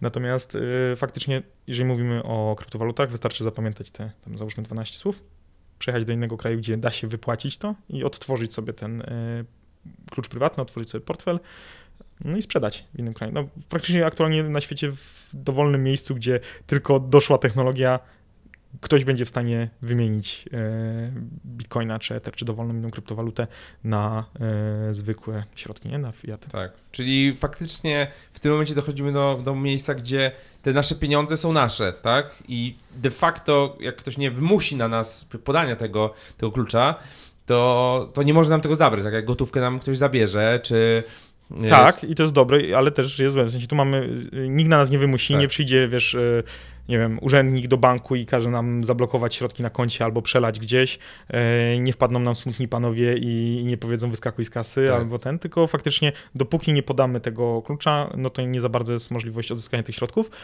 co ma też swoje takie side effecty w przypadku, kiedy na przykład nie wiem, mamy firmę, która ma jeden portfel i na przykład jeżeli tylko jedna osoba znała klucz, miała klucz, no to nie wiem, prezes umrze tak. albo zapadnie w śpiączkę, były takie sytuacje, e, robi się problem. Znaczy, oczywiście są technologiczne rozwiązania, bo są tak zwane portfele wielokrotnego podpisu, mhm. że na przykład y, trzeba złożyć dwa, nie wiem, z trzech albo trzy z pięciu podpisów i wtedy można takie środki odzyskać. Dostać. I to jest takie zabezpieczenie, nie? Y, słyszałem też ciekawą, ciekawą rzecz a propos bo za, załóżmy, że mamy portfel kryptowalutowy, mamy ten klucz, tak, i mamy to zainstalowane na telefonie i żeby tego nie wpisywać za każdym razem, tego klucza prywatnego, no to mamy jakiś, i ten klucz jest w jakiś sposób za, za, zachowany na, na, na urządzeniu, plus y, do tego mamy jakiś, nie wiem, PIN na przykład. Mhm. No i tutaj wchodzi temat bardzo łatwego zabezpieczania się biometryką, tak, czyli odciskiem palca. Jest to super wygodne, tak? Natomiast y, na przykład y, bodajże w, Stanach Zjednoczonych ktoś, y, służby porządkowe, jakieś tam FBI czy, czy mhm. policja czy, i tak dalej, mogą cię zmusić do tego, żebyś przyłożył palec do, w dane miejsce na urządzeniu. Nie mogą cię zmusić, żebyś wpisał pinu na przykład, mhm. natomiast y, mogą cię zmusić, żebyś przyłożył w danym miejscu tak. palec. Słyszałem tak? o tym, słyszałem o tym. No, no jest to jakiś tam y, problem. Ale wiesz co, no to też pytanie, gdzie przytrzymujesz te środki. No, dla mnie, jeżeli mamy, mamy jakieś większe środki, to ich nie trzymamy y, na telefonie, nie trzymamy ich w Metamasku, bo, bo jest to portfel taki bardziej użytkowy, nie? Tak, tak jak wiesz... No właśnie, jakie mamy rodzaje tych no. portfeli? No, znaczy, główny podział to jest taki na tak zwane cold i hot, czyli cold to są takie bezpieczne, najlepiej nie podłączone do internetu, tam możemy duże środki trzymać i tak jak mówisz, tam nie powinno się nic stać, dopóki nie e, podamy sobie e, tego hasła, które nam odblokuje klucz prywatny, nie? Z drugiej strony i nie, nie podłączymy tego mm -hmm, oczywiście do mm -hmm. sieci, żeby, żeby móc użyć tego. E, natomiast w przypadku tych gorących portfeli, no to tutaj sytuacja już jest taka, że to są takie użytkowe, to jest wiesz, ja bym to porównał tak, e, jak idziesz na miasto, e, teraz okej, okay, korzystamy z karty, czy tam ludzie tak. z telefonu, ale jeszcze tam jakiś czas temu no, bierzemy sobie, nie wiem, 10 zł, 50, 100 zł do portfela, a nie bierzemy całego, nie, nikt nie bierze całej swojej wypłaty i nie pakuje do portfela i nie idzie na miasto, nie? No, no wiem, że się zdarzało pewnie w historii, ale, ale wiesz, to jest samo porównanie, to tak samo, tak. To, to, trzeba sobie to wyobrazić. Albo mamy limit na karcie, tak? Na Albo mamy limit, nie? W sensie, że y, chodząc po internecie i mając podpięty ten nasz y, portfel, taki gorący do codziennego użytku, nie trzymamy tam wszystkich naszych funduszy. Po prostu. I to jest taka podstawowa zasada. Wydaje mi się, że on, jak tylko to się wprowadzi, to już można 90 y, kilka procent przypadków problematycznych sobie się uchronić przed tym, nie? Bo, bo faktycznie, tak jak mówię, nie, nie bierzemy całej gotówki do portfela. I to jest dokładnie to samo. Tak. Tylko, że, że, wiesz, A jak ten nasz portfel może nie być podłączony do internetu? Przecież to jest waluta cyfrowa, internetowa. Wiesz co, yy, znaczy przede wszystkim yy, zrozummy pewną różnicę, bo, bo jest taka bardzo fundamentalna różnica między portfelem kryptowalutowym, a naszym portfelem e, takim fizycznym. Mhm. W naszym portfelu trzymamy jakieś tam papierki, jakieś monety, karty i tak dalej. To są obiekty, które się tam znajdują. E, teraz w przypadku portfeli kryptowalutowych, tak naprawdę co się znajduje w tym portfelu? W tym portfelu znajduje się właśnie nasz klucz prywatny i nic więcej, tylko ten ciąg znaków e, do podpisu. Bo całość naszych środków to jest jakiś zapis e, w tym blockchainie, w rejestrze, czyli suma wszystkich naszych transakcji, powiedzmy sobie tak upraszczając. Czyli jeżeli ja chcę wiedzieć, ile ja mam środków na koncie, to ja sobie teraz muszę policzyć moje transakcje. Ok, wpłynęło 1000 zł, wypłynęło 500 zł, wpłynęło y, kolejne 1000 i teraz sobie sumując te wszystkie transakcje, wiem, ile mam środków. Tak mniej więcej to wygląda. I to jest obliczane za każdym razem od, od samego początku blockchaina, czy, czy... Wiesz co, portfele sobie to cashują gdzieś tam, żeby to było szybciej. Też troszkę inaczej wygląda to w przypadku tokenów, bo, bo jak mamy smart contract, on też trzyma y, sumę, ale jeżeli mówimy o tych głównych y, takich jak Ether, Bitcoin, no to tak, to jest tak odliczane, nie? To jest po prostu suma transakcji. No i te transakcje są publicznie dostępne, każdy je może przeczytać. Mm. Nie wie do kogo one należą teoretycznie, bo ma tylko ciąg znaków jakiegoś adresu, ale to jest ta suma, więc my nie trzymamy tych transakcji w swoim portfelu. To one są i tak w sieci, nawet jeżeli my, yy, tak jak mówimy, że nie mamy podpiętego do sieci portfela, to nasze transakcje i tak są w sieci. Jedyne, czego my nie mamy, to nie mamy dostępu do klucza prywatnego, który potwierdzi jakąś kolejną transakcję, czyli nie mając tego y, klucza, nie jesteśmy w stanie, nie wiem, dopisać kolejnej transakcji, która mhm. nam uszczupli saldo, tak? Czyli to, co my robimy, to my zabezpieczamy jakiś plik z długim ciągiem znaków, którym jest naszym kluczem prywatnym, w czymś, co wygląda na przykład jak USB, nie? Czyli to jest tak, jakbyś sobie plik skopiował na USB i wyciągnął z komputera. I w tym momencie ten, y, ten plik jest tylko na tym USB i nikt z tego nie skorzysta. Więc jakby na tym polega to odcięcie od sieci. Nie zabranie środków z sieci offline, tylko zabranie możliwości ich transferu, mhm. bo bez tego klucza ich nie, prze, nie przetransferujesz. No tak. I tylko ten klucz, jeżeli chcemy faktycznie zrobić transfer z tego portfela gdzieś indziej, to musimy ten klucz w jakiś sposób mhm. e, użyć, tak? Czyli musimy tak. włożyć, podłączyć ten, ten to nasz tak. USB stick, czyli tak. przykładowo Ledger. Tak, Ledger Nano S albo Trezor. Popularny, albo, albo tak. Okej, okay, dobra. Y, powiedz mi to, jak, jak dalej, y, co dalej z tym, z tym Web3? Gdzie, no właśnie, bo, bo mocno się kręcimy jeszcze? w kryptowalutach, mocno tak, się tak. kręcimy cały czas y, przy tym blockchainie, ale dalej gdzieś tam jak, jak to Web3 wchodzi. No bo wiesz, jak mówię, rozwiązanie problemu y, centralizacji walut okazało się, że można w podobny sposób rozwiązać problem centralizacji y, własności cyfrowej, czyli a nagle tak samo jak e, podpisujemy, że jesteśmy właścicielami danej puli środków przez to, że mamy ileś transakcji, e, możemy podpisać, że na przykład to my dokonaliśmy, nie wiem, jakiegoś e, wpisu nie, w social mediach, to my przesłaliśmy jakiś plik. nagle wszyscy wiedzą, ok, czyli to jest ten faktyczny właściciel i to też może być zapisane na blockchainie. Może niekoniecznie cały plik, jeżeli to jest jakiś duży plik, tam są mhm. troszkę inne rozwiązania, ale to, że my dokonaliśmy tego jakby wpisu.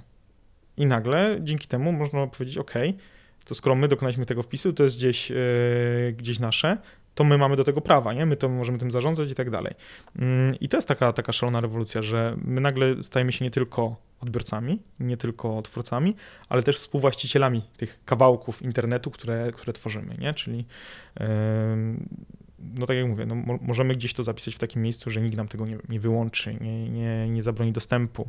Możemy to wszystko udowodnić, że to my dokonaliśmy. O ile będzie działał dany blockchain, na którym to o ile będzie działał internet, o ile będzie prąd, wiesz, to są takie zawsze... Tak, tak. Ja wiem, że jesteśmy wcześniej, są przypadki, w których blockchainy nie działają, y, szczególnie no, na przykład Solana ma zwiechy, taki jest blockchain, ale dla mnie to są zawsze takie argumenty, nie? To po co robić, y, nie wiem, po co pracować w branży internetowej, jak może ci paść internet, nie? Po co pracować w IT, jak mogą ci prąd odłączyć? No to tego typu tak, argument tak, to tak, jest, tak, nie? No, wiesz, no, także, także oczywiście jesteśmy wcześniej i są jeszcze jakieś problemy techniczne na niektórych blockchainach, no ale im głębiej w las, tym to będzie bardziej rozwiązywane, nie? Tak Więc... też słyszałem ciekawy, ciekawy, ciekawy taki argument y, odnośnie tej anonimowości, no bo bitcoin, kryptowaluty i tak dalej, po co, po co to wszystko? No wiadomo po co, żeby brać brudne pieniądze i kupować narkotyki, tak?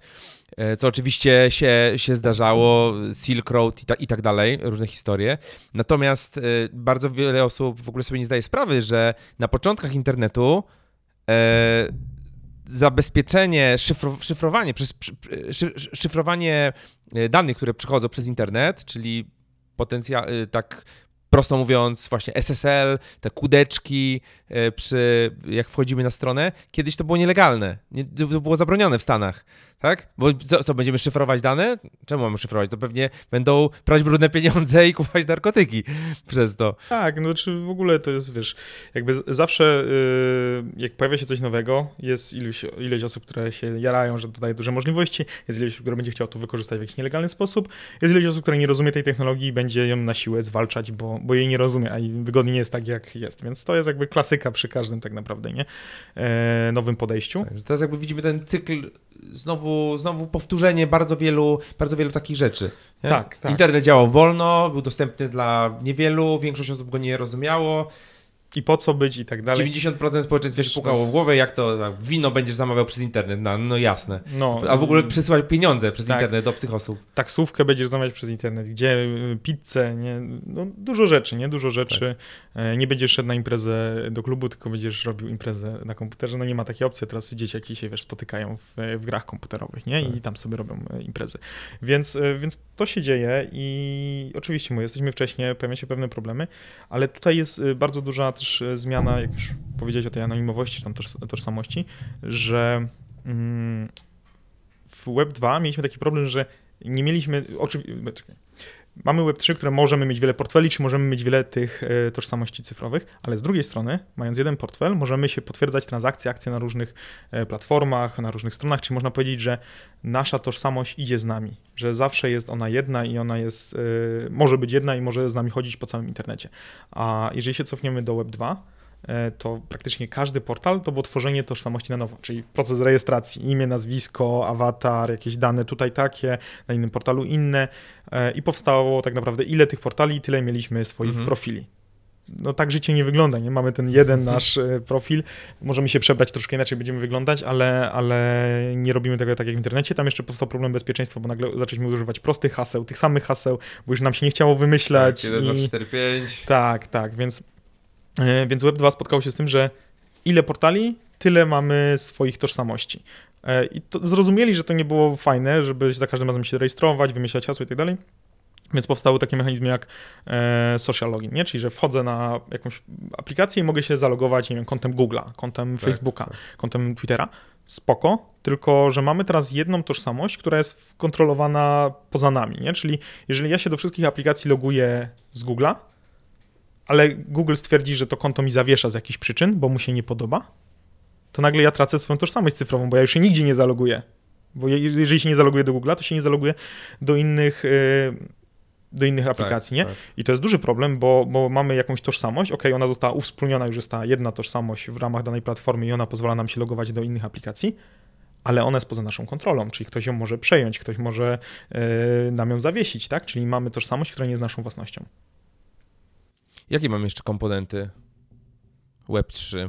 Co no, przychodzi mi na myśl na przykład nowy sposób właśnie logowania się na strony, tak? Czyli tak zwane logowanie się portfelem. No tak, to jest właśnie ten pierwszy, pierwszy jakby komponent, czyli możemy podpisem, właśnie tym naszym kluczem prywatnym, naszym podpisem możemy potwierdzić, że my to my i zostać wpuszczeni albo na zasadzie po prostu tak jak rejestracji, czyli mhm. takiej free for all, czyli że każdy wchodzi. Czyli zamiast adresu e-mail wtedy mamy adres portfela przypisany. Tak, tak, tak. Tak, dokładnie. Tak. Nie klepimy tego z palca, tylko to się tam tak. zaciąga z portfela i, i możemy to robić. Natomiast e, co istotne, mając jakąś tam e, własność cyfrową, która jest przypisana do danego portfela, możemy w, te, w taki sposób ograniczyć, że nie każdy może na przykład się zalogować, nie każdy może wejść, tylko na przykład posiadacz danego tokena albo posiadacz yy, konkretnej ilości tokenów. Czyli możemy sobie powiedzieć, że zakupimy jakąś kryptowalutę, niech to będzie nawet NFT, czyli ten taki, do NFT pewnie jeszcze dojdziemy, tak, razie tak. nie, nie spoiluję, ale, ale zakupimy sobie jakiś token i możemy zrobić taką bardzo prostą logikę. Jeżeli dana osoba ma w portfelu ten token, to ją wpuścimy, a jeżeli nie ma, to jej nie wpuścimy. Czyli dochodzi nam też bardzo fajny y, element związany z tym, kogo wpuszczamy, kogo nie, a to ciągnąc dalej, skoro my jesteśmy właścicielami tego tokena, a nie jakaś tam platforma, to nie ma problemu, żebyśmy ten token komuś przekazali. Czyli nagle powstaje rynek wtórny, czyli my możemy kupić jakiś token, który daje nam dostęp do platformy, ale mamy też prawo sprzedać albo oddać komuś ten token. I jeżeli my przekażemy tej osobie, to nagle ona ma dostęp, a my już nie mamy. Do tej pory, na przykład, jeżeli platforma sama w sobie nie wspierała mechanizmu, nie wiem, nazwijmy to cesji, bo to tak mm -hmm, z punktu -hmm. widzenia prawnego to będzie cesja praw, to, to nie mieliśmy takiej możliwości. Nie mogłem kupić sobie, nie wiem, subskrypcji do jakiejś, e, nie wiem, e, platformy i jeżeli ona nie wspierała tej sesji, to przekazać komuś. A tu to się dzieje no tak. natywnie, bez problemu to możemy zrobić. I możemy być w jakiejś platformie, społeczności, czymkolwiek, znudzi nam się, możemy to sprzedać, możemy to oddać. Nikt nam nie broni, tak? No właśnie, to poruszyłeś, poruszyłeś temat NFT, NFT. To, czy, czym jest? Czym jest NFT i dlaczego, dlaczego to jest też, też istotne w kontekście tej zmiany w internecie i Web3? Teraz, jeżeli wyszło Web3 i możliwość programowania tych kontraktów, tych tokenów, pojawiły się różne rodzaje. To może tokenów. jeszcze, zanim przejdziemy do tego, to powiedz, czym są, czym są te smart kontrakty, bo mówiliśmy kilka razy, y, tak, tak, znaczy, tak ogólnie. Tak, zahaczyłem, nie? że to jest mhm. ten e, program na blockchainie, który y, pozwala nam opisać logikę, czyli zachowanie jakiś, się... Jakiś program komputerowy, Tak, program tak? komputerowy, który, w którym możemy opisać transfer środków, czyli transfer wartości, nie? Czyli możemy powiedzieć, że teraz e, z konta osoby A na konto B ma być przetransferowane tyle i tyle środków. Albo one mają gdzieś tam być jeszcze y, w inne miejsce polecieć. Czyli jakby logikę przepływu mhm. wartości. E, Czyli Programowalne pieniądze. Programowalny pieniądz, tak, programowalny pieniądz umożliwia to też stworzenie właśnie tych tokenów. To już wspomniałem, że można dzięki temu, nie tworząc własnego blockchaina, stworzyć własną kryptowalutę, bo możemy stworzyć mhm. token, czyli możemy mieć jakiś program, który będzie miał zapisane, kto ile ma środków i jakie transfery zostały dokonane. Więc, e, więc możemy coś takiego zapisać i tworzymy wtedy swój tak zwany token. E, I tych tokenów znowu mogą być różne formy, od takiego właśnie klasycznego, który można porównać do złotówki, dolara, euro, czyli po prostu mamy, płacimy, wymieniamy się e, za coś. Mm, I to są tak zwane tokeny wymienialne, ale powstał też e, pomysł, a co jeżeli byśmy zrobili tokeny niewymienialne? I teraz o co w tym chodzi? Ja bym to porównał do, to jest różnica jak między banknotem, nie wiem, 100 złotowym, a biletem na koncert o wartości złotych. Jeżeli ja mam 100 złotych i ty masz 100, 100 zł, wymienimy się tymi banknotami, mm. to dalej każdy z nas ma banknot 100 zł i to nie ma większej różnicy. Natomiast jeżeli ja mam bilet na koncert y, jest załóżmy to bilet, który wskazuje na konkretne miejsce, czyli na przykład ja mam wejście na płytę, a ty masz wejście na trybuny, to jak się wymienimy tymi biletami, to pomimo, że mamy bilet na ten sam koncert, czyli powiedzmy z tej samej kolekcji, to już nie pójdziemy w te same miejsca, bo ty pójdzie, jeden z nas pójdzie na płytę, a drugi na y, trybuny, nie? No, można by nawet powiedzieć na konkretne miejsce, tak? Miejsce albo 44, tak, albo, albo wręcz tak. może być tysiąc biletów. Albo wręcz tak, tak albo wręcz tak, nie? Więc, yy, więc to jest ta różnica. No i w, dzięki właśnie smart kontraktom można zaprogramować yy, taką logikę, że pomimo iż dwa tokeny są opisywane przez jeden kontrakt, czyli są powiedzmy właśnie z tej samej kolekcji, to one nie są tymi samymi tokenami, nie? I, i, i coś takiego powstało i, i właśnie tutaj był ten cały boom na NFT, czyli ok, mamy tokeny, które mogą wskazywać na konkretny, nie wiem, zasób w internecie, czy jakiś obrazek i stąd powstało, że NFT to są te drogie obrazki, bo tak, tam może być... obrazki z małpami. Tak, obrazki z małpami. Mm, ok, one wskazują na jakiś zasób, ale właśnie to, to może je odróżniać, że mamy 3, 4, 5 tysiąc, 5 tysięcy z NFT i każdy z, z, danej kolekcji, czyli opisane w jednym tym kontrakcie, ale każdy wskazuje na inny, e, na inny zasób, czyli na inny obrazek. Natomiast to, co jest kluczowe, to nie ten obrazek, który jest z tyłu schowany, bo to jest taka dodatek wizualny bardzo często. Natomiast y, istotne jest to, że właśnie mając taki token, możemy wskazać, kto jest właścicielem tego obrazka. Czyli e, token NFT nie jest obrazkiem, tylko jest dowodem własności, czy tam dowod, kto posiada ten obrazek, a to już daje... Który portfel. Tak, który portfel, tak, a to już daje szerokie możliwości, na przykład właśnie jeżeli chodzi o dostęp, no bo tylko na przykład osoba, która posiada dany konkretny NFT może na przykład mieć dostęp do jakiejś społeczności przykładowo.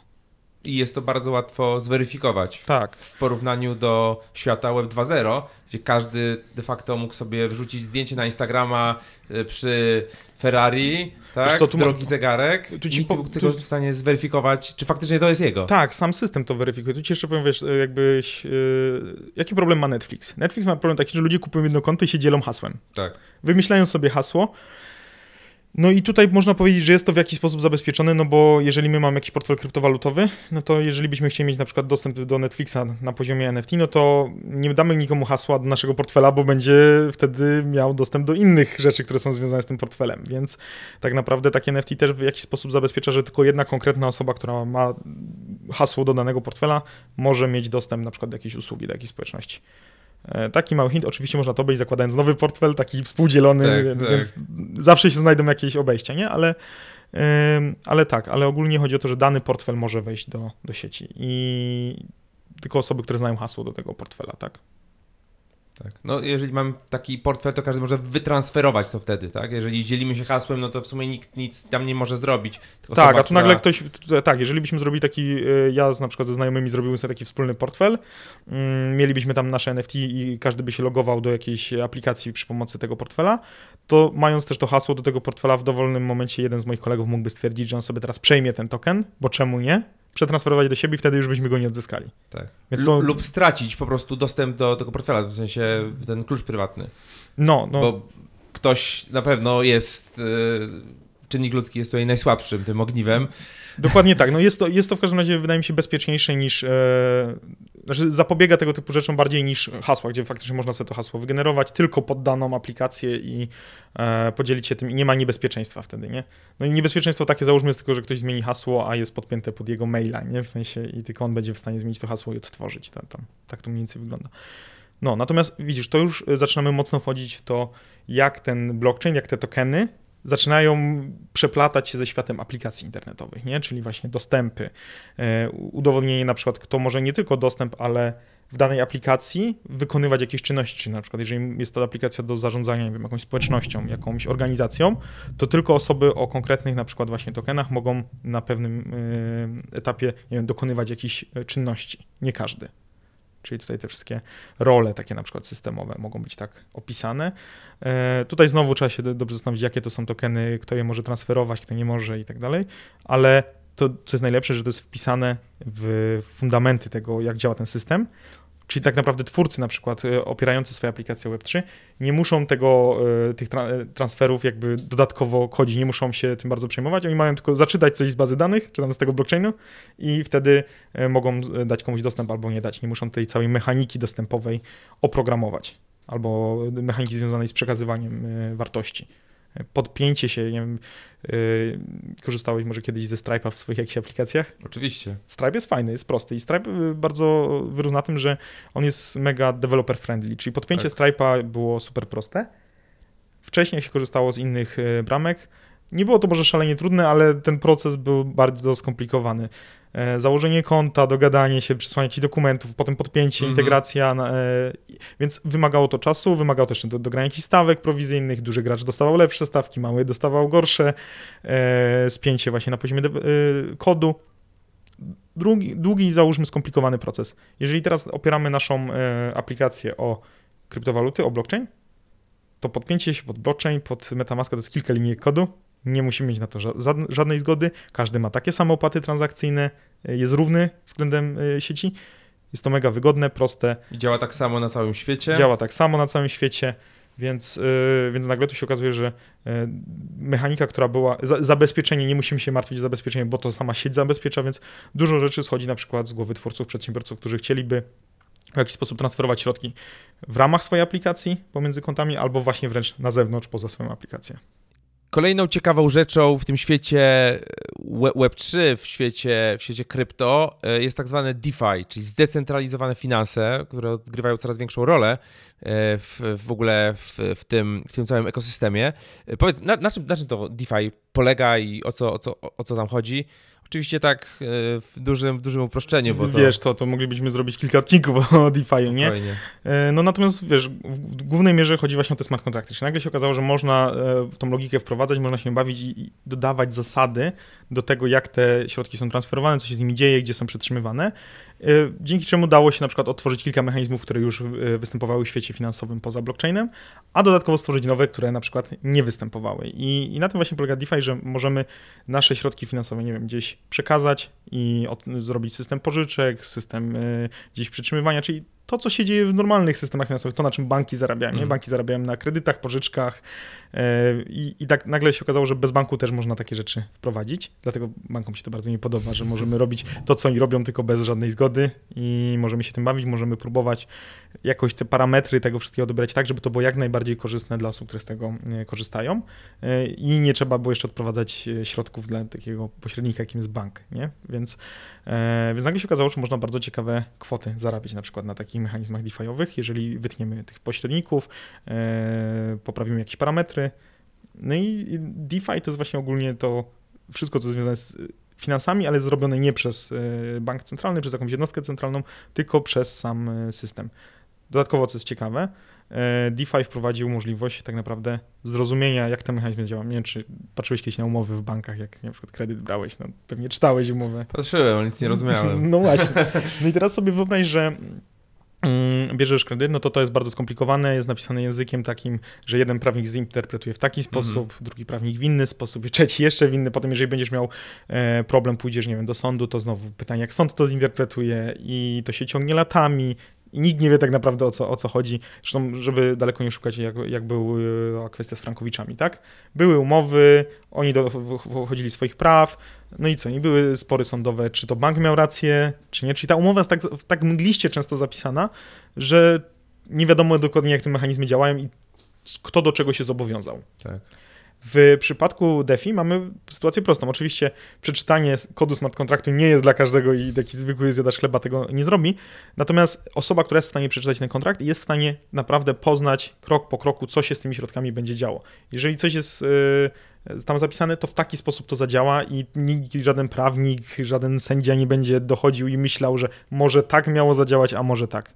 Nie, po prostu jest zapisane. Jeżeli to, to robimy to, jeżeli coś innego, to coś innego. E, więc daje to bardzo fajną możliwość tego, żebyśmy byli w stanie sprawdzać, w co my w ogóle wchodzimy, jak to będzie działać, czy tam nie ma jakichś e, potencjalnie zagrożeń, nie? Czyli teraz znowu, jeżeli e, często pojawiają się skamy w świecie, w świecie DeFi, czyli na przykład, że ktoś daje środki, liczy, że wyciągnie za jakiś czas z zyskiem, a w międzyczasie ktoś przychodzi, jakiś twórca tego kontraktu i zabiera wszystko, nie?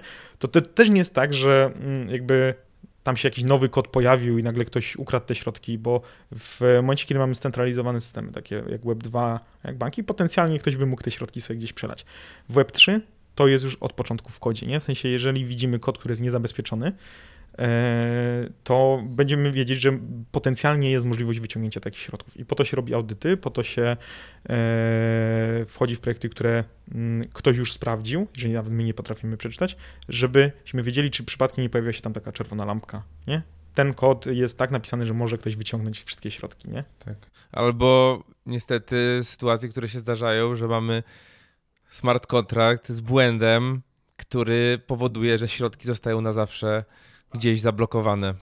Tu masz taką sytuację, że y, są błędy. Jak kto programował, ten wie, że błędy się zdarzają i nawet kod sprawdzony kilka razy, tak. kod, który przeszedł audyt, może zawierać błędy, tak? Natomiast to, co jest piękne nie? w Web3, to jest to, że jest y, w dużej mierze oparty o open source, czyli faktycznie te kody możemy czytać, możemy patrzeć, co jest zapisane. I teraz y, w takiej sytuacji i możemy kontrybuować, czyli możemy pomagać rozwiązywać problemy. Jak jakaś korporacja albo jakiś bank ma problem, bo programista coś skopał, bo czegoś nie przewidzieli. E, no to oni ten problem, ktoś tam coś stracił, potem sądowo dochodzi y, swoich racji, może nawet wygra, dostanie kasę, ale oni nikomu tego kodu nie pokażą. Oni sami będą rozwiązywać ten problem. Zajmuje to ileś czasu, często mm. dość długo rozwiązywanie takich problemów. Nawet jak już rozwiążą ten problem, który mieli jakąś lukę, to zachowują to dla siebie, nie? Czyli to jest ich, wiesz, nie pokażą kodu, bo to jest ich własność intelektualna, tak. więc oni tego nie pokażą. Przez co proces uczenia się jest bardzo wolny w takim świecie, e, bo w przypadku Web3, w przypadku krypto, jeżeli jest jakaś dziura, to zaraz wszyscy o tym wiedzą, zaraz się znajdzie ktoś, kto w ogóle pomoże to naprawić, bo liczy na jakąś nagrodę za to, że, że to mhm. pomoże. To jak to zostanie e, naprawione, to zaraz wszystkie sensowne projekty wprowadzają e, luki do, do swoich systemów bezpieczeństwa, bo wiedzą, że na przykład też mają coś podobnego i wiedzą, jak to naprawić, bo, bo ktoś to zrobił, a to było otwarte. I to jest świetne, nie? Więc pomimo tych sytuacji, o których mówisz, że są wycieki kasy albo są środki zablokowane, to proces uczenia się jest bardzo szybki dzięki temu, że każdy może podglądnąć, jak ta sytuacja, jak doszło do takiej sytuacji i jak należy ją e, poprawić. No tak. No i im dłużej dany projekt się utrzymuje, tym jest de facto bezpieczniejszy. Wiesz, różnie bywa. Mamy sytuację e, z Luną Blockchain Terra, no e, tak. czyli mamy jakiś tam koń, który teoretycznie działał, dużo osób w niego wierzyło, zabezpieczony właśnie jakimiś algorytmami, każdy mógł przeczytać, nie? W sensie tak, każdy mógł tak. przeczytać, a i tak to się okazało, że to padło, więc problem jest taki, że y, ten system rośnie i te smart kontrakty, sam jeden smart kontrakt może być prosty i możesz zobaczyć, że on działa dobrze, ale on często nie działa w izolowanym świecie, czyli on mm. korzysta z innych mechanizmów, z innych smart kontraktów, łączy się z całym tym ekosystemem i nagle robi nam się taka szalenie trudna pajęczyna, że ciężko w ogóle przewidzieć czy przesymulować, jak to się zachowa konkretnych sytuacjach. I na przykład 99% przypadków działa dobrze, szczególnie jak rynek rośnie, a nagle jak jest panika na rynku i ludzie zaczynają zachowywać się irracjonalnie, to te algorytmy mogą przestać działać dobrze. Nie? Tak się zastanawiam, tak rozmawiamy, oboje jesteśmy osobami technicznymi i dla, czasami dla nas y, to jest skomplikowane. Zastanawiam się, jak taki przeciętny człowiek ma to, ma to wszystko zrozumieć.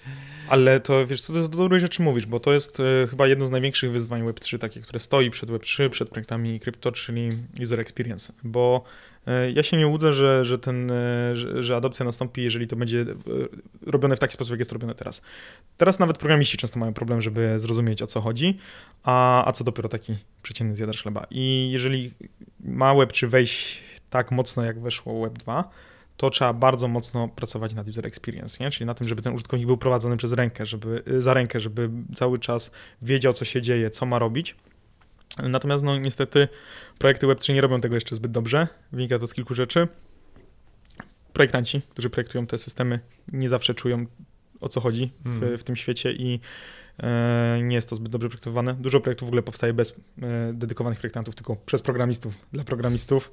E, I wiesz, no ja miałem przykładowo taki sytuację, wchodzę na jakiś projekt, chcę sobie tam zgłosić swój portfel, żeby odebrać jakieś środki, no i jakiś tam błąd wyskakiwał, w ogóle błąd wyskakiwał w konsoli, ja się dowiedziałem, że tam błąd wyskakuje, jak sobie konsolę odpałem, no ale patrzę i ten błąd mi nic nie, nie, w ogóle nic mi nie, nawet w konsoli to mi nic nie mówi, nie? I dopiero skontaktowałem się tam z zespołem, no i się okazało, że a to, to trzeba przecież sieć zmienić, że na inny blockchain trzeba Mhm. przejść, że mój portfel jest y, na złym blockchainie, ale nikt tam nie napisał tego, że trzeba zmienić, nie zrobił jakiejś automatyzacji, bo to też jest możliwe, żeby na przykład automatycznie przełączać na, Tak, na, tak. na daną sieć.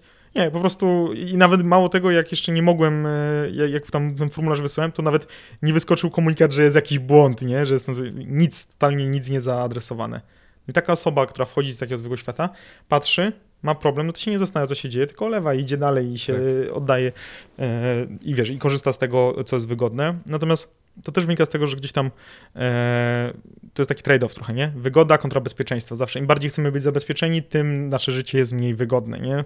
E, Im chcemy więcej wygody, tym troszkę to dajmy w, e, komuś to nasze bezpieczeństwo. I, I tutaj szukanie takiego złotego środku będzie istotne, bo ja się nie łudzę, że mm, nie wiem, część ludzi będzie miała problem z tymi portfelami, z tym trzymaniem tego swojego klucza. Większość nie? osób. Myślę, że większość osób.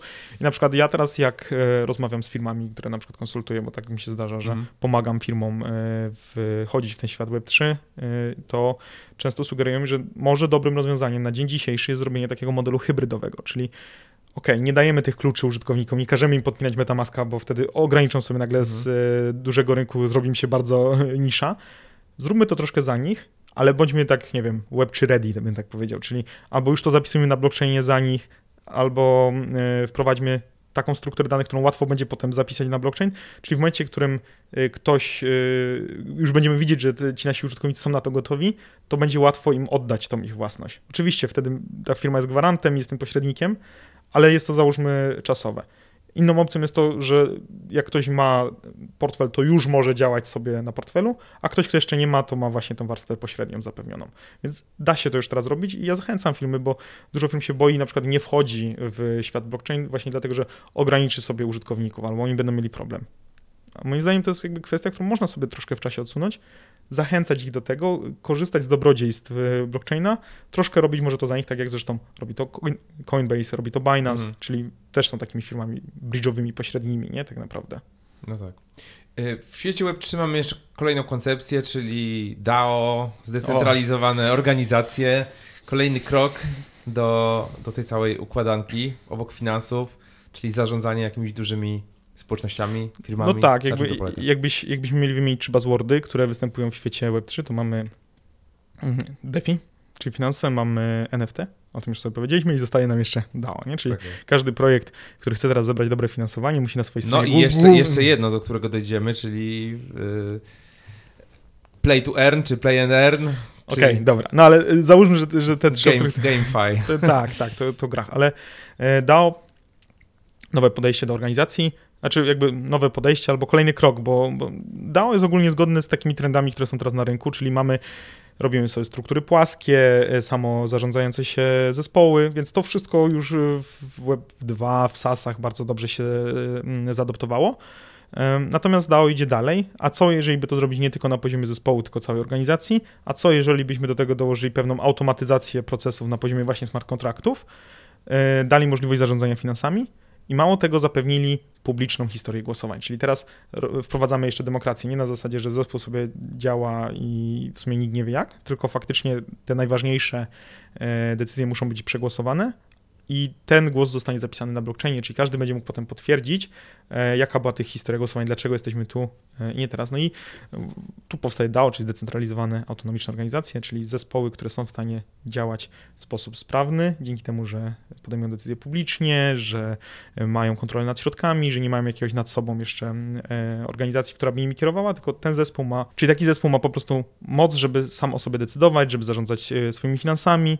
E, Każda osoba, która do takiego zespołu dołącza, też ma przejrzystą historię, jak wyglądały wszystkie głosowania nad ważnymi decyzjami i tak. Mhm. I e, DAO stało się bardzo popularne, no bo nagle się okazało, że, że nasi, e, nie wiem, że wypuszczając token, to jest tak, jakbyśmy troszkę wypuszczali akcje, nie? Czyli na, nagle możemy pozwolić zarabiać użytkownikom na tym, że kupili te tokeny, czyli to jest tak, jakby kupili akcje, tak porównajmy sobie.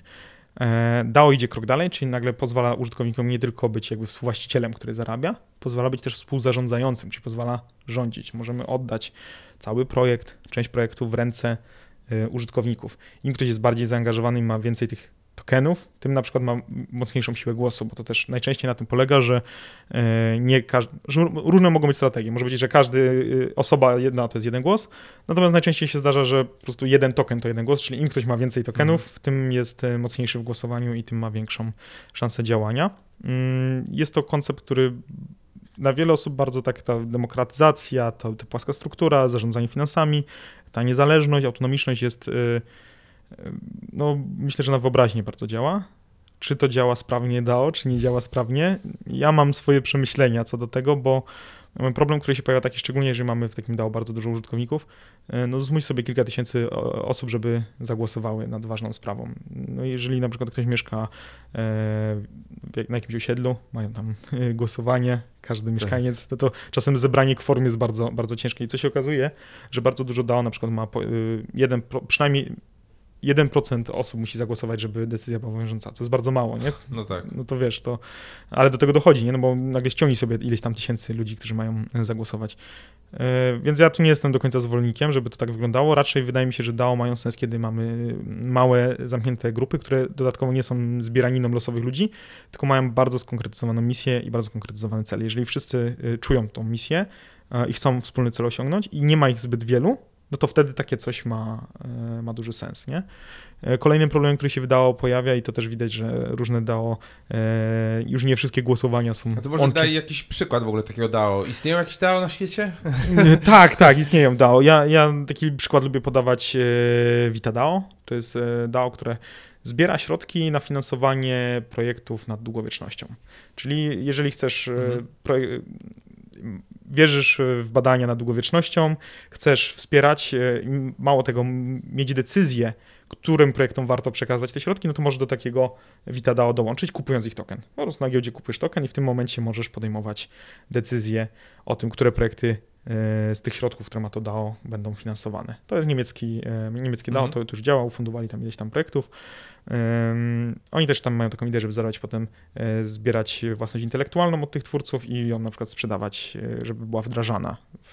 Tam też znowu przez głosowanie, więc to różnie może, niektóre mogą być e, opublikowane po prostu jako, jako dostępne publicznie, inne mogą być sprzedane, wyniki badań, więc to też różnie może być. Natomiast, co jest istotne, oni sobie podzielili, że mniejsze projekty do tam odpowiedniej kwoty są, idą off-chain, one nie są zapisywane, tam nie ma tego głosowania, tej całej mechaniki, mają po prostu zwykły, scentralizowany system, gdzie jak tam wie, wie, większość stwierdzi, że tak, to jest ok. Tam mhm. też są inne reguły, bo tam jest krótszy czas oczekiwania na decyzję, mniej osób musi zagłosować i tak dalej. Ale już jeżeli wchodzimy w tam e, w projekty powyżej 50 tysięcy dolarów, no to wtedy to musi być wszystko już e, zapisane na blockchainie, musi przejść tam jakiś tam proces iluś tam dni na głosowanie, musi się zebrać minimalna ilość głosów na jakimś tam też sensownym poziomie i wtedy dopiero takie środki będą uwolnione, bo to też jest robione w taki sposób, że te środki są zablokowane jakby w blockchainie, w smart kontrakcie i nikt nie ma prawa ich ruszyć, nie ma żadnego portfela, który mógłby podpisać transfer, mhm dopóki głosowanie nie przejdzie pomyśleć. To jest ta automatyzacja tego działania DAO, czyli że e, blockchain broni e, tych środków przed tym, że na przykład przyjdzie sobie jakiś prezes albo przyjdzie sobie jakaś jedna osoba, lider zespołu i wyciągnie te wszystkie środki. Nie ma opcji wyciągnięcia tych środków, dopóki głosowanie nie przejdzie pomyślnie. Czyli się, wiesz, zgłasza się, mniej więcej tak wygląda, że e, przykładowo zgłasza się nowy projekt, e, daje się, że tam on będzie na przykład o wartości 70 tysięcy i dopiero i odpala się głosowanie na przykład na kilka dni e, i dopiero kiedy będzie na przykład ponad 50% głosów, smart contract automatycznie wypuści te środki na konkretny portfel, do którego już ludzie, e, który został zgłoszony na przykład w tym głosowaniu. Czyli przechodzimy po prostu do, cyf do cyfrowego świata, do cyfrowych organizacji, które same się zarządzają, co daje różne benefity. Benefity, no problem to jest to, że faktycznie tych ludzi jest dużo, nie? To się zaczyna tak. problem. Tak. Powstała taka koncepcja subDAOs, czyli DAO składające się z mniejszych DAO, że każda z nich znowu jest w jakiś tam sposób autonomiczna, ma mniejszy cel, ma mniejsze środki. E, jest Spółki celowe, powiedzmy. Takie tak, albo porównanie do mikroserwisów, zamiast robić jeden duży monolit dla programistów, nie? Mhm. Robisz sobie takie skupione na konkretnej rzeczy. E, z DAO to jest w ogóle śmieszna sprawa, bo ta spółka jest autonomiczna. I teraz e, pojawia się taki problem, że jeżeli na przykład ty jako twórca na przykład jakiejś aplikacji Web3 chcesz sobie takie DAO wprowadzić, to musisz się pogodzić z tym, że oddajesz własność. W sensie, a tak serio oddajesz, no bo oczywiście możesz sobie zachować ponad 50% tokenów, ale jest to sytuacja patologiczna, nie? W sensie no raczej tak. twórcy, zespół nie powinien dochodzić do tych 50%, no bo wtedy to jest takie fikcyjne DAO i fikcyjne oddanie, de, fikcyjna decentralizacja. Więc jeżeli teraz nagle nie masz tych 50%, to możesz zostać przez ludzi przegłosowany, a że ta organizacja jest autonomiczna, to ona może zrobić coś, czego ty nie chcesz robić, albo w ogóle się odłączyć od twojego głównego projektu. I były takie e, przypadki w historii, już nie będę teraz nazw, ale że przy większej grupie powstawało jakieś DAO, a to DAO potem stwierdzało, że ok, ale to my będziemy robić zupełnie co innego, nie? I wychodziło jakby z tak. ram tej organizacji, która to DAO założyła. No właśnie, ciekawe, ciekawe rzeczy. E, okej, okay, mamy jeszcze jedną rzecz, czyli świat Web3 w grach. I wiele osób mówi, że to będzie, to jest ten klucz do tak naprawdę masowej adopcji, nie? Gracze siedzą już w tych światach. I to jest, to jest ciekawy temat, bo, bo właśnie każdemu się tak naturalnie to łączy. Tu masz jakieś punkty, tu masz jakieś tokeny, tu coś kupujesz, tu sprzedajesz. I ta, to połączenie jest tak naturalne, że wszystkim się to spina oprócz graczom. Wszystkim się to nie spina, tylko nie osobom, które siedzą w, mm. w tej mhm. branży. Jak, jak się porozmawia, też miałem okazję ostatnio rozmawiać e, z firmami, z twórcami gier i na przykład taka, taka historia, gdzie, gdzie właśnie jedno studio opowiadało, że mm, zaczynali jakieś proste projekty właśnie robić takie Web3 i przyszedł do nich inwestor, który tam dwie czy trzy gry takie główne, które teraz robią, e, funduje i mówi, słuchajcie, jak w jakikolwiek sposób powiążą te nasze gry z tym, że wy robicie jeszcze Web3, to zrywamy umowę. Ciekawe. E, jest naprawdę jest duża, duża niechęć e, w społeczności. Mm, gracze też często, na przykład jakaś firma duża ogłasza, że teraz będziemy NFT wprowadzać, to nagle pojawiają się petycje o tym, że nie, że oni nie chcą żadnych NFT, że nie chcą. Mm, I tak się zastanawiałem, z czego to wynika ta niechęć, bo tak jak mówię, teoretycznie się to bardzo dobrze spina mhm. wszystko. Mm -hmm. I, I z czego to wynika? E, ja bym tutaj postawił takie dwa, może trzy argumenty. Skąd ta niechęć? Pierwszy to jest to, że w, faktycznie w grach typu play to earn, które już istnieją, y, większy nacisk jest na earn niż na play, czyli faktycznie tam potem grają ludzie nie dlatego, że lubią grać, tylko po to, żeby zarabiać i to w jakichś tam uboższych państwach szczególnie widać, że ludzie potrafią rodziny z tego utrzymywać, ale oni to robią jako zawód, czyli to nie jest gra nastawiona na fajny experience, na radość, y, tylko na zarabianie, nie? I teraz to się tym graczom, którzy, kłóci, którzy właśnie wchodzą po to, żeby mieć tą radość z gry. Um, drugi aspekt, no to jest jakaś tam faktycznie sentyment, to, że większość projektów e, to scam, że krypto 90% upada. No gracze nie chcą, żeby e, coś, bo oni się często bardzo utożsamiają z tymi grami, z tymi społecznościami. Oni nie chcą, żeby e, się przez przypadek na przykład utożsamić z projektem, który okaże się skamem mm. albo który upadnie, więc jakby to jest też taka potrzeba bezpieczeństwa. I wydaje mi się, że trzecia rzecz, która tutaj ma miejsce, to jest taka hermetyczność, czyli to są takie środowiska, zresztą Web3 też jest mocno hermetyczne to, co wychodzi od nas ze środka, to jest fajne, a to, co przychodzi z zewnątrz, to jest B.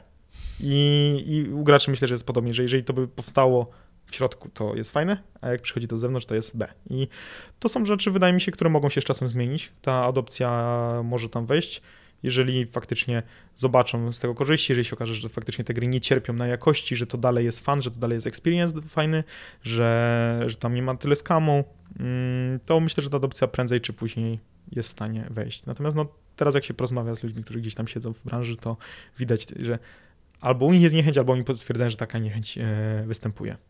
No tak, no tak. No z tym zarabianiem to wiesz, yy, kręcą nosem osoby, które de facto mają pieniądze, dla których fak faktycznie oni czerpią fan z tej gry, a obok mamy miliard ponad osób, które żyją na 5 dolarów lub mniej dziennie i dla nich to jest jedyny, jedyny sposób de facto zarabiania dzisiaj, nie? Wiesz, pytanie też, e, też e, jaki masz target, nie? Bo to zawsze się trzeba skupić na to, kto jest twoim użytkownikiem, jak ty robisz taką grę czy projekt, nie? Jeżeli faktycznie kto, kto potrzebuje zarabiać, yy, tak żeby, wiesz, no tak jak mówisz, nie osoby na przykład dorosłe, które już mają rodziny na tak. utrzymaniu i tak dalej.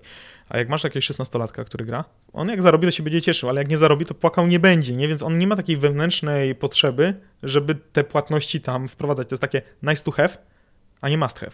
Tak. No dlatego przechodzimy z play to earn do play and earn, gdzie faktycznie tak. tak, jak, tak jak też jest takie porównanie, że kiedyś w ogóle e, mówiono, że wiesz, gry za darmo to w ogóle jakiś badziew. E, były gry te, wiesz, z wyższej półki mhm. za tam, nie wiem, 100, 150 zł minimum musiałeś zapłacić, a dzisiaj mamy gry free to play w które grają, wiesz, set, miliony, setki milionów ludzi na świecie. Ale tak? też był Fortnite opór. I tak dalej. Ale też był opór. W sensie, Też był, też był opór, tak? No był ogromny opór, tak? Że to będzie...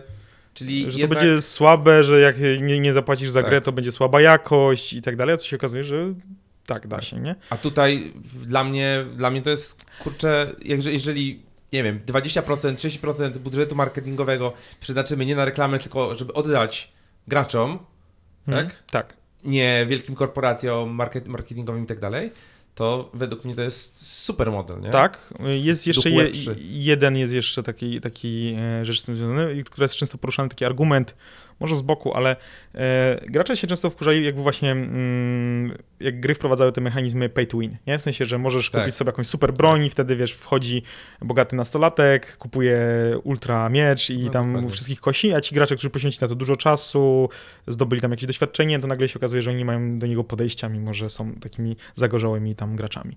E, I teraz też pojawia się taki argument, że ok, to jeżeli teraz te wszystkie obiekty cyfrowe będą jako NFT i tak dalej, to każdy będzie to mógł kupić, to znowu właśnie, że jest taka obawa, że pojawi się ten model właśnie e, pay to win, nie? Że, że wszystko będzie tym tokenem i nawet jeżeli ktoś zdobędzie duże doświadczenie, to to doświadczenie będzie w stanie przetransferować. E, I tutaj powstaje taka technologia, o której e, nie dużo osób wie, ale, ale jest taki rodzaj tokenów, tak zwany sol- Saltbound token. To jest token, który jak jest raz do ciebie przypisany, to ty go nie możesz oddać. I to właśnie są te poziomy, nie wiem, doświadczenia, jakieś achievementy zdobyte i tak dalej. No bo wyobraź sobie, że idziesz na przykład na uczelnię, e, dostajesz certyfikat i niektórzy mówią, ok, można zrobić takiego certyfikatu NFT, ale jaki jest problem? No, że NFT możesz komuś przesłać, a certyfikatu tego, że ty ukończyłeś te studia, nikomu nie prześlesz, bo to jest twoje osiągnięcie. E, I NFT nie są najlepszym rozwiązaniem tego problemu. Właśnie tu pojawiają się te SBT. e, Witalik Buterin o tym pisał w tym roku na jednym poście. Mhm. Nie ma standardu jeszcze pod to. Da się to oczywiście oprogramować w smart kontrakcie, ale standard pewnie dopiero powstanie. E, No i to jest na przykład coś, co będzie mega użyteczne w grach. Także faktycznie będziesz mógł zdobywać jakieś achievementy, doświadczenie i nie przyjdzie nikt i ci tego nie kupi. Tylko ty, jeżeli przejdziesz odpowiednią ilość gier, będziesz w stanie udowodnić, że to masz i na przykład dać ci to dodatkowe, nie wiem, tam e, punkty. No tak, no tak. Y, A powiedz mi, że tak się zbliżając ku końcowi, w którą stronę zmierza Web3, kiedy, e, kiedy w ogóle, no, co dalej z tym wszystkim?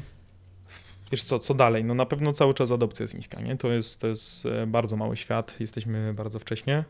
E, Coś, czego mi osobiście jeszcze brakuje, to wejścia Web3 na mobile. W sensie jesteśmy teraz większej rzeczy ludzie robią na Mhm. przeglądarkach, na komputerze. E, Do pełnej adopcji na pewno musi być lepsza integracja z systemami mobilnymi. Znowu tu wchodzimy w temat trochę portfeli, że portfele mm, mobilne teraz, o ile to można wejść sobie przez Metamask na jakąś stronę i coś porobić, no to integracja z zewnętrznymi aplikacjami jest taka trochę toporna. I, i tutaj jest jeszcze dużo takiej technologicznej e, pracy do wykonania. Wydaje mi się, Dużo okazji do zrobienia znaczy, biznesu wiesz, de o, facto. powiem ci tak, jesteśmy na etapie infrastruktury, ja to przynajmniej tak Mhm. e, widzę, że poza DeFi, gdzie faktycznie już użytkownicy korzystają i można te środki gdzieś tam jakoś sobie zarabiać, przesyłać i fajnie, to większość projektów to jest projekty od deweloperów dla deweloperów, od deweloperów dla przedsiębiorców, czyli powstają narzędzia, powstają klocki, elementy, z których dopiero ten internet e, czy tam aplikacje dla użytkowników będą składane. I to jeszcze chwilkę potrwa, bo jeszcze brakuje, więc faktycznie jeżeli ktoś e, chciałby rozwijać ten internet u, u podstaw, czyli tworzyć kolejne narzędzia, kolejne rozwiązania, to jest to bardzo dobry moment. E, Natomiast to jest wyzwanie, bo to nie jest tak, że wejdziesz i nagle masz do wszystkiego bibliotekę narzędzi i tak dalej. Te narzędzia w tym momencie powstają i trzeba je stworzyć i myślę, że w najbliższym czasie e, dużo tych narzędzi e, powstanie i dopiero gdzieś przy następnych jakichś takich górkach, bo to wiesz, przeważnie to jest skorelowane z cenami kryptowalut, że jak idą wartości do góry, dużo osób się tym interesuje, zaczyna zaglądać, co to jest, jak to jest, jak z tego można korzystać, a potem jest tak zwany crypto winter, czyli nic się nie dzieje, bo tam szora podnieta cena i, mm, i wtedy ludzie pracują i wtedy Mhm. budują. I wydaje mi się, ja nie, jakby nie chcę spekulować, bo, bo się na tym nie znam, nie zajmuję się tym i nie mam zielonego pojęcia, czy cena za chwilę nie pójdzie do góry, czy pójdzie w dół. E, Natomiast patrząc po nagłówkach o tym, że już y, y, media krzyczą, że krypto zaraz upadnie, że Bitcoin wiele razy krzyczały. E, Natomiast no, można przewidywać, że teraz będzie taki okres, gdzie faktycznie trzeba się skupić na budowaniu, a nie na tych cenach, a kiedyś jak to pójdzie do góry, a może pójdzie do góry, no to znowu będzie jakiś napływ użytkowników i wtedy te projekty będą miały szansę znowu gdzieś tam zaświecić. Natomiast teraz budujemy te klocki, z których, e, tak jak internet e, Web 1 i potem czas, kiedy powstawały jakieś tam rozwiązania technologiczne, dał możliwość budowy mm, tego Web 2 i aplikacji. Dla użytkowników jest to mocne nastawienie na użytkownika. Tak samo Web3 będzie takim okresem budowy narzędzi, które dopiero na sam koniec e, pozwolą na budowanie tych, tego takiego user-friendly experience dla użytkownika końcowego za kilka lat. Więc na razie narzędzia, a y, na pytanie, kiedy taki E, Szary Kowalski będzie mógł z tego skorzystać, tak e, żeby faktycznie odczuć wartość dla siebie, to ja bym powiedział, że to jeszcze, jeszcze kilka lat. Tutaj ja osobiście upatruję, czy to w, w tym, co powiedziałeś, w gamingu, ale też na przykład w metaversie dużo, dużo mhm. E, zalet, ale też w platformach social mediowych, także jest na pewno wykorzystań całkiem sporo, ale na to jeszcze trzeba troszkę poczekać. Skąd się uczyć? Gdzie, skąd czerpać wiedzę? Wiem, że ty jeden projekt edukacyjny tworzysz. Więc myślę, że to jest dobry moment, żebyś, tak. żebyś się podzielił. Znaczy tak, wiedza jest, y, wiedza jest w internecie, jest y, jej dużo. Y, jest, są społeczności takie jak BFC, gdzie też Board jest, tak, gdzie jest też dużo wiedzy. E, wiedza jest w internecie, nie wiem, na Twitterze, na Mirror, na Medium. Można to znaleźć, natomiast jest duży problem że ta wiedza jest mocno sfragmentaryzowana, wręcz bym powiedział, tak jak Web3 jest zdecentralizowane, jak samo ta wiedza jest zdecentralizowana. I teraz na przykład ja y, dużo wiedzy pozyskuję z Twittera, tylko tam trzeba siedzieć, tam trzeba pisać z ludźmi, tam trzeba czytać i raz na jakiś czas wpadnie perełka. I, i ta wiedza potem jest chwilę i potem już jej nie ma i, i mhm. ciężko do niej dotrzeć, więc e, dużo właśnie wiedzy się też wnosi ze społeczności, gdzie ktoś wrzuci jakiś fajny link, gdzie ktoś jakiś fajny artykuł wrzuci i tam wiedza gdzieś sobie tam po tym internecie krąży. I teraz trzeba spędzić czasu dużo, żeby tą wiedzę e, posiąść. Mm, I tak naprawdę ja od 2017 sobie cały czas to gdzieś systematycznie e, zbieram tą wiedzę i, i nie ma za bardzo miejsca, w którym dałoby się to, w którym na dzień dzisiejszy byłoby to scentralizowane. Program, o którym wspomnieć, bo ja faktycznie za, założyłem taki program, jest to program do osób, które chcą wejść i chcą sobie troszkę ułatwić to wejście, czyli nie chodzić po milionie y, blogów, po milionie forów, tylko chciał, chciałbym mieć zebrane w jednym miejscu taką szeroką wiedzę, czyli nie jak zostać ekspertem NFT, nie jak zostać ekspertem DeFi, tylko zobaczyć, jak wygląda cały ten ekosystem. E, więc przygotowałem taki program właśnie dla osób, które chcą wejść. E, założyć portfel, dokonać pierwszej transakcji, mm, zobaczyć jakie są mechanizmy DeFi, jak działa blockchain, e, co to jest NFT, jak założyć DAO, jakie są inne rozwiązania Web3, jak jest zdecentralizowane storage plików, czyli wszystko, co może być potrzebne, jeżeli ktoś chciałby zacząć swoją karierę Web3, czyli jestem jakimś specjalistą Web2 i chciałbym wejść do Web3 i chcę nie tylko wejść na zasadzie, że mam już jakąś swoją specjalizację i ją wniosę, tylko chcę wejść do czegoś, co rozumiem, to jest jakby jedna droga. Druga dla przedsiębiorcy, który chciałby założyć jakiś swój własny projekt i też chce poznać ten cały ekosystem, jakie mam narzędzia, jakie mam możliwości, co, co kiedy się używa. To jest jakby drugi nasz e, target dla tego programu, więc takie osoby zapraszam do sześciotygodniowego programu, gdzie przez, przez te sześć tygodni przechodzimy sobie przez cały ten ekosystem Web3 teoretycznie, praktycznie i na zasadzie networkingu, bo też spotkaniach z praktykami Web3, a wszystko kończymy projektem napisania własnego white paperu, czy dokumentu opisującego, jak rozwiązać jakiś problem biznesowy przy pomocy technologii Web3. Jest to, wydaje mi się, ciekawe miejsce, które stara się w jednym jakby scentralizowanym punkcie zebrać tą wiedzę, dołożyć do teorii praktykę i zrobić to w sposób mm, taki zrozumiały dla normalnego użytkownika, bo to, to, też co zauważyłem, że większość materiałów jest pisana przez programistów dla programistów, mhm. więc jeżeli ktoś jest zainteresowany, to zapraszam na fundamentyweb3.pl, tam gdzie jest mój kurs, a jeżeli, tak jak mówię, ta wiedza też jest w internecie, jeżeli ktoś ma więcej czasu, ma więcej energii i chce ją zdobyć sam, jest to możliwe, natomiast no to trzeba chodzić, to trzeba być w społecznościach takich jak BFC, to trzeba być e, na Twitterze, to trzeba oglądać filmiki na YouTubie, e, mało tego trzeba jeszcze cały czas korzystać, czyli e, no właśnie, dowiemy się, bo to jest jedno to teoria, ale dopóki się z tego nie, nie skorzysta, no to tak naprawdę się nie zna tego świata, czyli założyć ten portfel, kupić Ledgera, przelać środki, kupić NFT, wejść do społeczności i milion innych rzeczy, założyć DAO, i trzeba to robić, nie? W sensie ja staram się to pomóc y, zrobić prosto w jednym miejscu. Można to zrobić samemu, ale no mi to zajęło 2017, no to 5 lat. Szymon, gdzie cię można znaleźć w internecie, jakby ktoś chciał się skontaktować, zadać pytanie? Głównie Instagram, szymonpaluch.th, e, LinkedIn, Szymon Paluch i TikTok. TikTok. TikTok. O, no TikTok. to ładnie, to ładnie. Także... Podlinkujemy twoje, twoje tak. sociale tak. gdzieś tutaj e, w opisie.